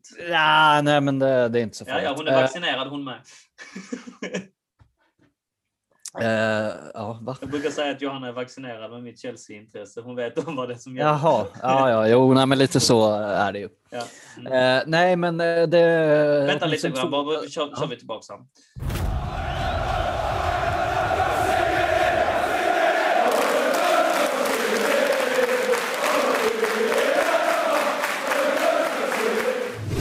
välkomna tillbaka allihopa. Jag och Oskar har knäppt oss varsin öl till och eh, vi tänkte att vi skulle gå in på, eh, på spåret-segmentet. Men hittade en fråga till som vi kanske biter tag i, Oskar, eller vad säger du? Ja, men det är åtminstone två personer som har frågat om eh, superligan och vad vi tycker nu. Det. Eh, det. var väl både Stefan Haupt eh, mm. och Johan Brinkeborn som undrade yes. vad tycker vi nu när det har gått en liten stund? Liksom, har vi mm. släppt och hur tänker vi framåt och så vidare? Mm. Eh, vad säger du? Nej, jag börjar gilla idén. Jag tycker det var lite synd att de förkastade den. Mm. Ja, men så är det ju. Nu, nu kör vi. Nej, vi hade ju en stor utläggning om, om den i eh, CSS-poddens förra avsnitt där Fredrik Temmes gick in på varenda juridisk aspekt av superligan och, och, även lite framtidsprognoser och så vidare. Och jag rekommenderar verkligen alla att lyssna på det avsnittet om man nu har hoppat in i detta och inte lyssnat på, på avsnittet 104 måste det vara då, där Fredrik Temmes inledningsvis och jag har en diskussion kring detta. Jag hoppas att det är över. Jag hoppas att vi aldrig får se det igen. Jag hoppas att man har lärt sig en läxa. Jag är också av åsikten, jag vet om att var, var Johans fråga kommer ifrån, för jag har sett er argumentation på Facebook kring det. Och eh, eh, jag är lite på Johans linje där måste jag säga att jag, jag har släppt det nu. Jag, jag, är villig att låta folk göra misstag om de backar på det. Jag behöver inte ha 45 000 ursäkter. Har du backat på det så räcker det för mig att du säger att ja, men jag hade fel, fan nu gör vi om för att jag ska kunna släppa det och gå vidare. Och jag upplever att Chelsea har gjort det. Och det är jag jävligt nöjd med. I det här joint statementet som vi gick ut med, som du också var med på, så sa vi också det. Snälla backa så är det okej okay igen. Och jag är villig att löpa den linan ut. Ja, jag hoppas att det är dött med, med det. Ta det vid Oskar. Eh, ja, nej men eh, det har blivit lite enklare att liksom förlåta och gå vidare i och med de resultaten vi har haft. Eh, skillnaden om vi hade åkt ur Champions League och förlorat de senaste ligamatcherna, då, nu är det lite enklare att glömma eh, och gå vidare. Eh, men ja, frågan är vad, vad händer liksom? Kommer de försöka göra något liknande igen framöver eller, eh, eller vad inser de verkligen allvaret och, och vad som gäller? Och, ja, tids nog kan man säkert glömma och förlåta. Eh, sen ska man komma ihåg att Chelsea har gjort några ändå publik och supporterfrämjande åtgärder nu. Man eh, ska sätta tre supportrar i styrelsen, eh, eller som ska få vara med på styrelsemötena. Sen vet man inte om det är bara är spel för gallerierna eller om de kommer lyssna på dem, om de kommer ha något att säga till om. Men det, det kan ju vara något positivt. Men är inte det att sträcka ut en hand och erkänna sig lite liksom, fan vi gjorde fel, men kom igen, ge oss en chans. Vad, vad vill vi liksom? Ha gratis medlemskap i 20 år framöver? Det går inte heller. Hallå? Är du tillbaka Oskar? Mm, ja, jag, inte, jag var tvungen att byta rum. Jag vet inte om jag tappade lite mig? Här för dem. Uh, ja, jag hör dig. Ska vi se, jag får sitta här då. Mm. Hur? Nu tror jag kanske. Mm. Mm. Nu verkar det funka. Mm. Men jag sa det, jag tycker ändå att de har gjort eh, åtgärder som du säger eh, och, och sträckt ut en hand. Är, är vi inte nöjda med det?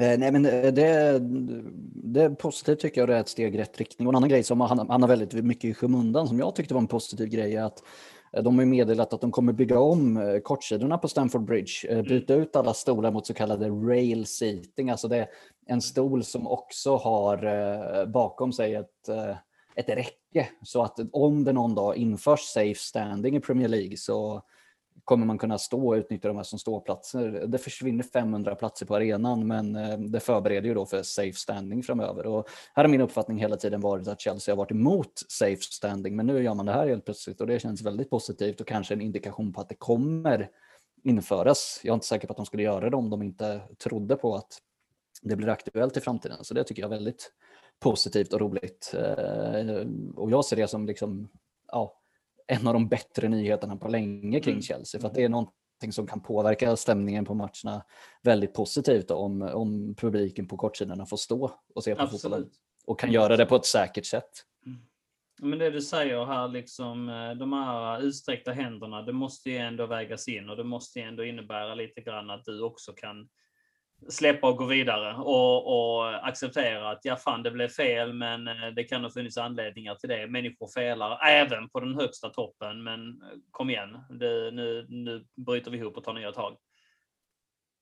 Ja, vi är i grund och botten ganska nöjda med våra ägare. Det är inte som i United liksom att vi Nej. vill ha bort ägaren, utan det, det, var främst just den här aktionen i Super League som vi var missnöjda över.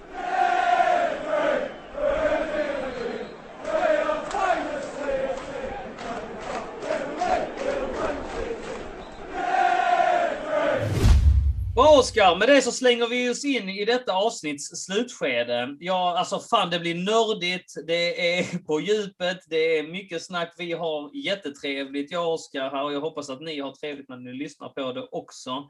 Droppa gärna er feedback i CSS-podden-gruppen. Är ni inte med i CSS-podden-gruppen, så bli med i CSS-podden-gruppen. Gillar ni det här avsnittet, gillar ni andra typer av avsnitt, dela med er. Vi försöker vara så lyhörda vi bara kan.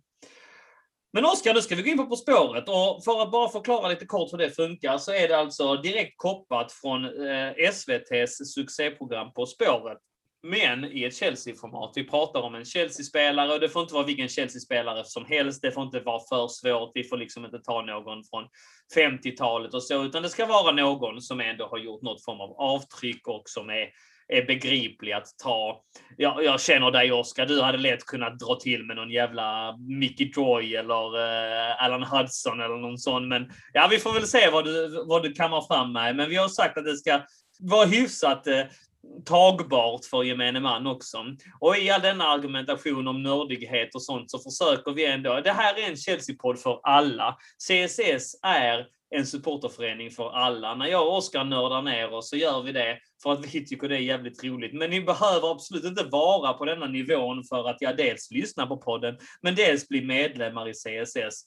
Och oavsett vad så tycker vi om er och ni får jättegärna droppa en kommentar i CSS-podden-gruppen när ni tog det. Men tänk då på att ni inte outar namnet utan att ni säger att ni tog Daniel Joannus på fyran exempelvis och Oskars på sexan och så vidare. Formatet som sagt, ledtrådarna blir lättare ju längre ner vi går. Vi får en till en och en halv minut ish på oss på varje fråga. Eller det är inte en fråga, det är ett påstående. Och eh, eh, det är alltså en profil som vi är ute efter. Oskar, är det någonting som jag behöver tillägga? Jag tänker, eh, när du läser din så får jag skriva i chatten om jag gissar då, så att jag inte säger för att liksom Ja, sist vi gjorde det, jag och Matte Byman, så skrev vi på en A4 och visade upp. Ja, jag har inga papper här, så jag skriver i chatten. Har vi någon? Jag måste slå på chatten. Ja, där, ja det var inte så jävla mm. svårt. Mm. Så det kan du göra, absolut. Men du kan ju signalera. Och så eh, en gång, en grej som jag och Matte Byman eh, gjorde fel, det var att vi blev så jävla exalterade av detta. Vi tyckte det var så roligt så vi skrek ut ja, du har rätt! Men, men det behöver man inte göra. Man kan ju säga ja, jag har noterat ditt svar och så får du höra de sista ledtrådarna också. Eller hur? Mm. Um, som sagt, jag tror inte vi behöver förtydliga formatet mer. Känner ni till det så uh, vet ni vad det är som gäller och känner ni inte till det så har ni fått en liten introduktion nu. Um, med det sagt Oskar, uh, ska jag eller du börja? Du kan få börja läsa, får jag gissa. Då gör jag det. Är du redo? Ja. Ja, min är jävligt bra alltså. Ja, jag vet vi, inte om jag har... Vi får se. Man vet aldrig om den är för svår eller för lätt eller det, det är helt otroligt. Yes, ja. Vi får se. Då kör vi. Rolig polityr för tankarna till mig som trivs i händelsernas centrum. Gärna på den stora scenen i det stora landet. Faktum är att jag bara spelat fotboll i två länder i England för Chelsea och så i mitt eget land då förstås.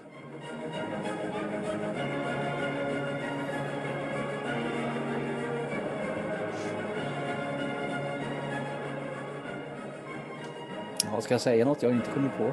Nej. Mm. Är du redo att ta nästa ledtråd? Mm, säg hur många poäng där också. Mm, såklart. Det var 10 poäng mm, där. kör vi 8 poäng. Jag kom fri som en fågel från överallt för att fira triumfer. Men visst var jag lite feltajmad och mitt val kom att slängas i ansiktet på mig. Otur hade jag bakom mig, men även framför mig. För även om jag kom till ett dukat bord så tog det tid innan den stora framgången skördades. Men visst skördades de, framgångarna alltså. Och visst var jag i högsta grad bidragande. En riktig hingst.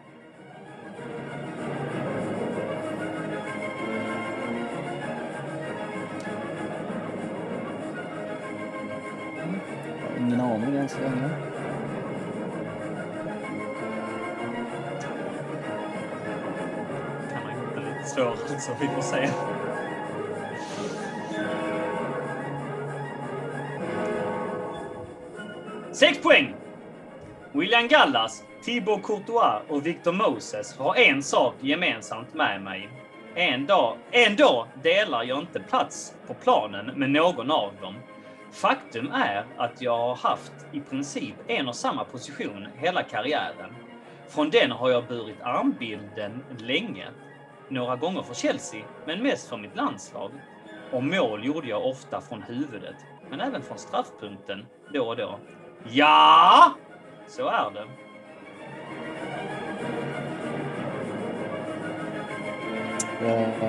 Ja, nej, men nu har jag den. Skriver i vår Facebook-chatt här. Mm. Ja, då skriver vi Facebook-chatten. Ja, det var den chatten jag pratade om. Jag har fått in ditt svar, Var det Oskar. sex, poäng? Sex Ja, poäng, var det sex poäng jag gissade på? Du Ja. gissade på sex poäng, ja. Kör vi fyra poängsfrågan. Tre fa Cup-titlar och en Premier League-titel blev det, men jag ville gärna vinna Champions League. Det blev två silver där istället i turneringarnas turnering. Ett med mitt gamla lag och för Chelsea så satt jag en straff i finalen, men det räckte inte. Jag har även ett VM-silver från 2002, ett VM-brons från 2006 och ett EM-silver från 2008 på CVt. Ja, men då vet jag tyvärr. Har rätt. Och så två poäng då. Hingsten jag pratade om tidigare, det, den är kastrerad. Ja, en vallack. Och ledtråden, ja, den var väl ändå lite ball. Rätt svar alltså. Som du tog på sex poäng, Oskar. Mikael Ballack. Grattis! Den, alltså jag vet om de var tuffa i början alltså, men, eh, men snyggt! Du tog den. Får vi se när ni andra Mm. tog den. Ska vi gå igenom ledtrådarna? Absolut. Rolig polityr för tankarna till mig. Rolig polityr. Tar du den nu så här i efterhand? Nej, Ball, lack. okej, ja. Ja, va? Mm. roligt. Hoppas vi att Ja. någon av lyssnarna tyckte det i alla fall. Ja, för att du blev ju bara sur. Ja, trist. Ja, var- Och så sänker han Inte Det imponerad. är ju skitkul! ju. Rolig polityr, ball, lack, för tankarna Ja, ja. till mig som trivs i händelsernas centrum. Då menar jag att han spelar i mitten på planen. Mm. Gärna på den stora scenen i det stora landet. Han var i de stora matcherna, spelade många finaler och så vidare. Det stora landet, Tyskland, det största landet i termer om eh, invånare i Europa. Faktum är att jag bara spelat fotboll i två länder, i England och, och i Tyskland då alltså. Jag kom fri som en fågel, han kom som, som fri agent. Vet du. Just det. Mm. Det var på åtta poäng. För att fira triumfer. Eh, Men visst var jag lite feltajmad. Han kom ju precis efter vi vann två stycken ligatitlar. Och, Mm. och, och just att han stod och velade mellan United och Chelsea sägs det. Och det valet kommer att slängas i ansiktet på honom för att efter det så vann ju United, om det var två eller tre titlar på rad. Tre va? Mm. Tre, ja. Ja. Otur hade jag bakom mig. Vad menar jag då? Var inte han avstängd i någon final, Champions League-finalen för Bayer. Leverkusen? Ja, eller? ja exakt. Mm. Ja, han, var- han, han missade en eh, EM-final också. Där han blev skadad i, mot Portsmouth i fa Cup-finalen. Men han hade ju också nummer 13 på ryggen. Mm, just det. Ja, ja. Ehm, han kom till ett dukat bord. Eh, de stora framgångarna skulle skördas och de skördades. Han vann ju massa fa Cup-titlar, tre stycken. Eh, och han var bidragande. En riktig hingst då, alltså Wallach tänkte jag på alltså som klart. Som, som, Mm. som, ja. mm, mm. William Gallas, eh, Courtois och Victor Moses har en sak gemensamt med mig. Tar du den? Ja, det var tröjnumret 13 då. Tröjnumret, Precis, ja. Mm. ja. Även om Victor Moses har burit andra nummer också. Ehm, men jag delar inte någon plats på planen med någon av dem. Ehm, jag har haft samma position i hela karriären. I princip, det har han ju. Spelat som mittfältare.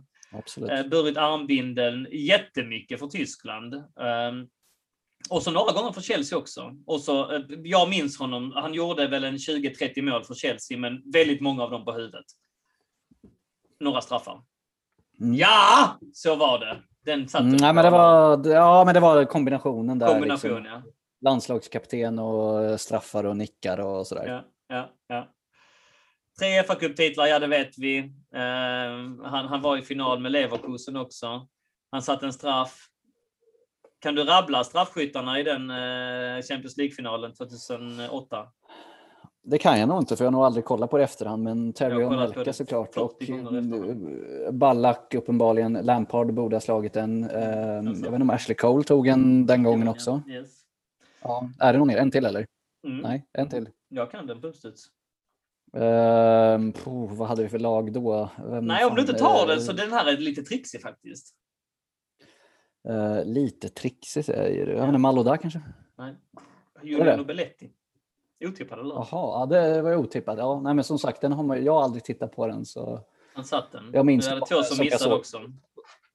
ja. Jag minns bara som jag såg den på Skallbergskrogen i Västerås tillsammans med hundra andra CSS-are. Det, mm. Härlig stämning, eller hur? Ja, innan dess, ja, absolut. Mm, så är det. Vilka missade? Minns du det? Ja, de sa jag ju. Ja. Och Ronaldo också. Ja, stämmer, stämmer. Hingsten jag pratar om är kastrerad. Vad kallas en kastrerad hingst? En vallack alltså. Och den Ja. ledtråden var väl lite ball. Nej, fan jag är rätt nöjd alltså. Och jag är nöjd Mm. över att eh, alltså, du tog den på... på det, det är bra. Det är bra. De var svåra i början, jag är med på det. Jag är med på det. Och nu ska jag hålla i hatten och försöka ta Ma- eh, Martins eh, rekord då alltså på, på, på fyran. Så, men jag är redo. Mm. Yes, nej, men det var bra ledtrådar tycker jag. Det enda jag saknade var väl någon, eh, vad heter han, Matt Damon lookalike ledtråd kanske då. Men, eh, annars jättebra. Ja, snyggt. Ja, då ska vi se här. Ska jag köra? Uh, yes. Då ställer jag dig frågan. uh, till vem är vi på väg? Uh, på 10 poäng. Jag är född i Europa, men har varit stjärna för ett landslag från en annan världsdel.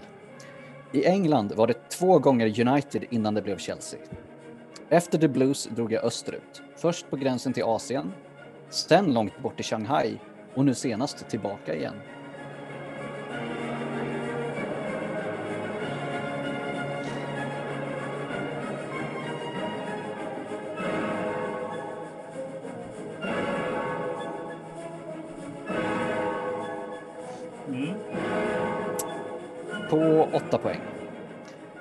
I come from far away and I can play sjöng Chelsea-fansen i en sång som inte var så jättevanlig men som ändå förekom när jag drog på mig den blåa tröjan med Adidas och Samsungs sponsorloggor.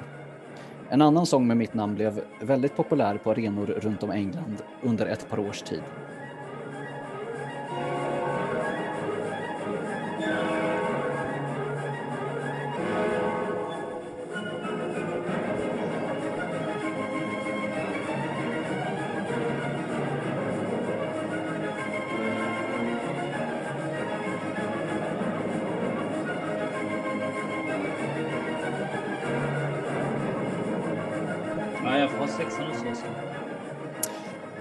Halkar vi vidare till 6 poäng. Eh, när jag knappt ett år innan Benitez värvade mig besökte Stamford Bridge i motståndartröja så snodde min anfallskollega, landslagskompis och delvisa namne rubrikerna med två otroliga mål på Peter Käck. År 2020 var tidningsrubrikerna mina, men inte för något jag gjorde på planen, utan istället för att jag gick av den. Ja, jag tar den. Jag drar. Um, Okej, jag har noterat ditt svar. Mm. Eh, På fyra mål. Eh, På fyra poäng. Eh, Två mål i en 4-0-kross mot Tottenham. Ett sent segermål i CL-kvarten mot PSG. Eller målet som dödade Liverpools titeldrömmar på Anfield 2014. Vilket var det mest ikoniska mål av de 14 jag gjorde för Chelsea? Och nu ser jag att du tar dig för pannan som Ja, nej, jag har ju så fel ju, Marco. Jag är ju Ja. ju. Ja. Ehm, mm. Låt det rulla lite till så ska vi ta den sista sen. På två poäng. Steve Gerard Gerard, he slipped on his fucking arse and gave it to. Ja, vad sjöng dem? Ja, nej, jag, jag var helt ute och cyklade. Det var någonting som eh, snurrade till med det där. Nej, jag förstår ju det på fyran redan att jag, jag hade fel. Mm, och svaret mig. är... Mm. Och rätt Ja, svar är ju, ja, det är ju den bara. Dembaba, Ja, precis. yes, ja. Jag var ju sa- inne på det redan tidigare när du pratade om Steven, eh, Steve Gerrard, så tänkte jag, har han missuppfattat formatet lite grann? Det kan ju inte vara Steve, eh, Steve, Steven Gerrard. Men sen när du sa min namne i, i en tvåmålsmatch så tänkte jag, ja men då har vi den. Absolut. För då, då, då tänkte jag att det var eh, att det var eh, Papi Cissé du pratade om. Eh, två, två mål mot Newcastle där som han hade Mm. gjort, min namne. Och då tänkte jag, men det Mm. kan ju säkert stämma att han har varit i Asien efteråt och så vidare. Så jag, jag gissade på Papis Giloboggi. Vilket Mm. var helt åt helvete alltså. Jag är Ja, besviken åt- Oskar. Ja, Jag känner mig snuvad Eh, på konfettin.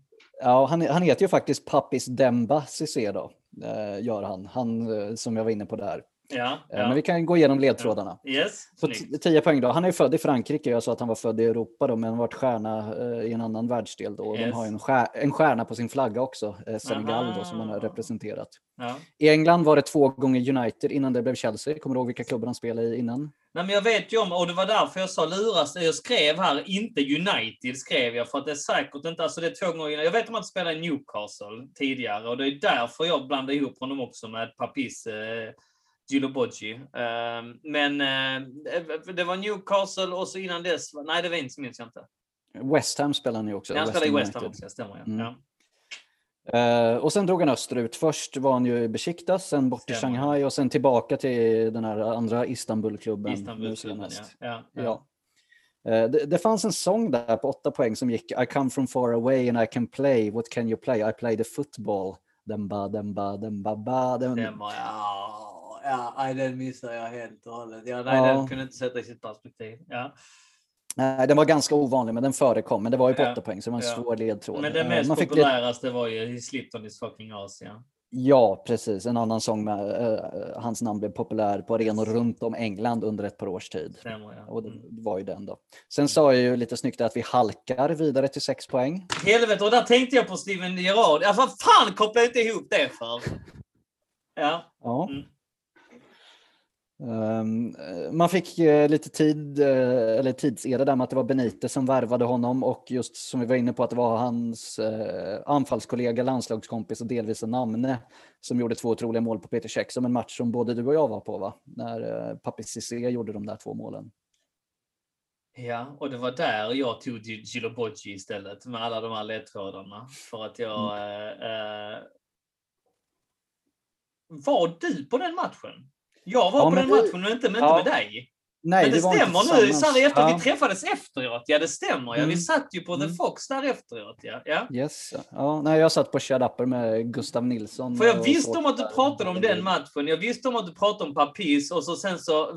Alltså jag tänkte inte alls på att Demba bara hette Papis. Det, ja, ja, ja. Där fintade du upp mig på läktaren, Oskar. Jag Mm. Nej, och tog... det är inte, det, det är inte Demba bara som heter Papis, det är han som heter eh, Papis Demba Cissé.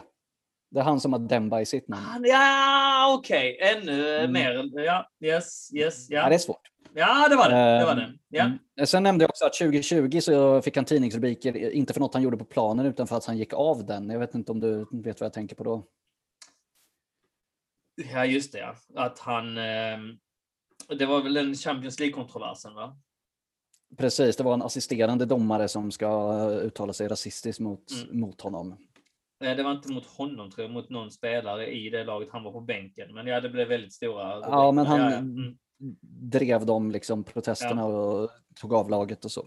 Ja. Eh, sen nämnde jag mål, han hade gjort två mål när vi slog Tottenham med 4-0, Ja. segermål mot PSG och sen då det målet som dödade Liverpools titeldrömmar. Yes. Och, ja. och slutligen Gerard-sången där då. Så nej, men du var inne på rätt spår men du landade på något annat. Så är det. Så kan det gå ibland. Och det är ju uppfriskande att man kan ha fel ibland också. Så att, eh, nej, men jag är jävligt tacksam. Jag tycker fortfarande det är jävligt roligt. Alltså. Ni, ni får jättegärna droppa vad ni tror i eh, CSS-podden-gruppen. Eller vad ni tror. Ja. era ärliga åsikter vill vi ha i CSS-podden-gruppen. Oskar, med det så börjar vi runda av. Alltså fan vad kul jag har haft. Alltså, jag, jag, jag slår så jättegärna ihjäl en fredag på det här sättet för att så roligt har det varit. Jättegenomarbetad På spåret-variant också. Uh, jag, även om jag tog fel så är jag svinnöjd och tyckte det var skitroligt att vara med. Och ja, jag hoppas att du är nöjd med din sexpoängare också, för mina var svåra, det är jag med på. Mm, nej men absolut, och nu, nu slog det ju inte Martin heller. Han tog den ändå på fyra. Han, han gav ingen gissning. Jag gjorde inte det. Nej. Han, nej, han väntade där. Ja. But uh, I'm gracious in defeat alltså. Helvete också. Men så är det. det. Det går ju inte att klippa ihop detta i efterhand och på något sätt säga att men jag tog den då alltså. Så att man, man får bara böja sitt ödmjuka huvud och säga att ja, så är det. Till och med Jonathan Unge drar fel på 10 poäng när man är På spåret och det kan hända den bästa. Med det sagt så börjar vi alltså runda av. Oskar, tack så jättemycket för att du har varit med ikväll. Har det varit roligt?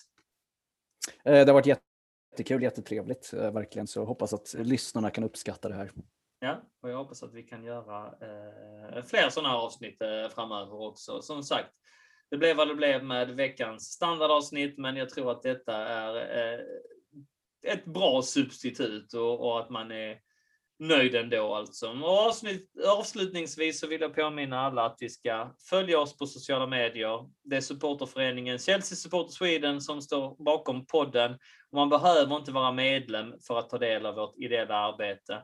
Men vill man stötta på ett enkelt sätt så gör det genom att följa oss på sociala medier. Vi heter Chelsea Sweden Official på Instagram och på Twitter hälsar vi at Chelsea Swe. Det finns många andra konton där ute på Instagram och på Twitter och jag vet om att det finns på Facebook också, men det är de som vi står bakom. Och på Facebook, det enda kontot vi står bakom där, det är alltså CSS-podden-gruppen. Är du inte redan med där, så bli medlem i CSS-podden-gruppen, så kan du snacka om podden om innehållet i våra poddavsnitt, om matchtrådar och mycket annat Chelsea-relaterat. Jag rekommenderar i övrigt ett besök på Svenska fans, på vår sida där. Det är svenskafans.com England Chelsea där man kan läsa artiklar, matchrapporter, krönikor och info om supporterföreningen, bland annat. Jag eller någon annan av våra CSS-are är med och för podden vidare framöver inom kort. Oskar, klockan har hunnit bli snart 11. Skål och tack på dig min kära vän. Tack så jättemycket för att du har varit med. Vill du säga något avslutande? Eh, nej, det behöver jag inte göra, men eh, det har varit jättekul. Så får vi höras någon annan gång. Skål på er alla där ute i Chelsea-Sverige. Var snälla mot varandra, ta hand om varandra, så hörs vi snart igen. Hej med er, carefree och up the chills.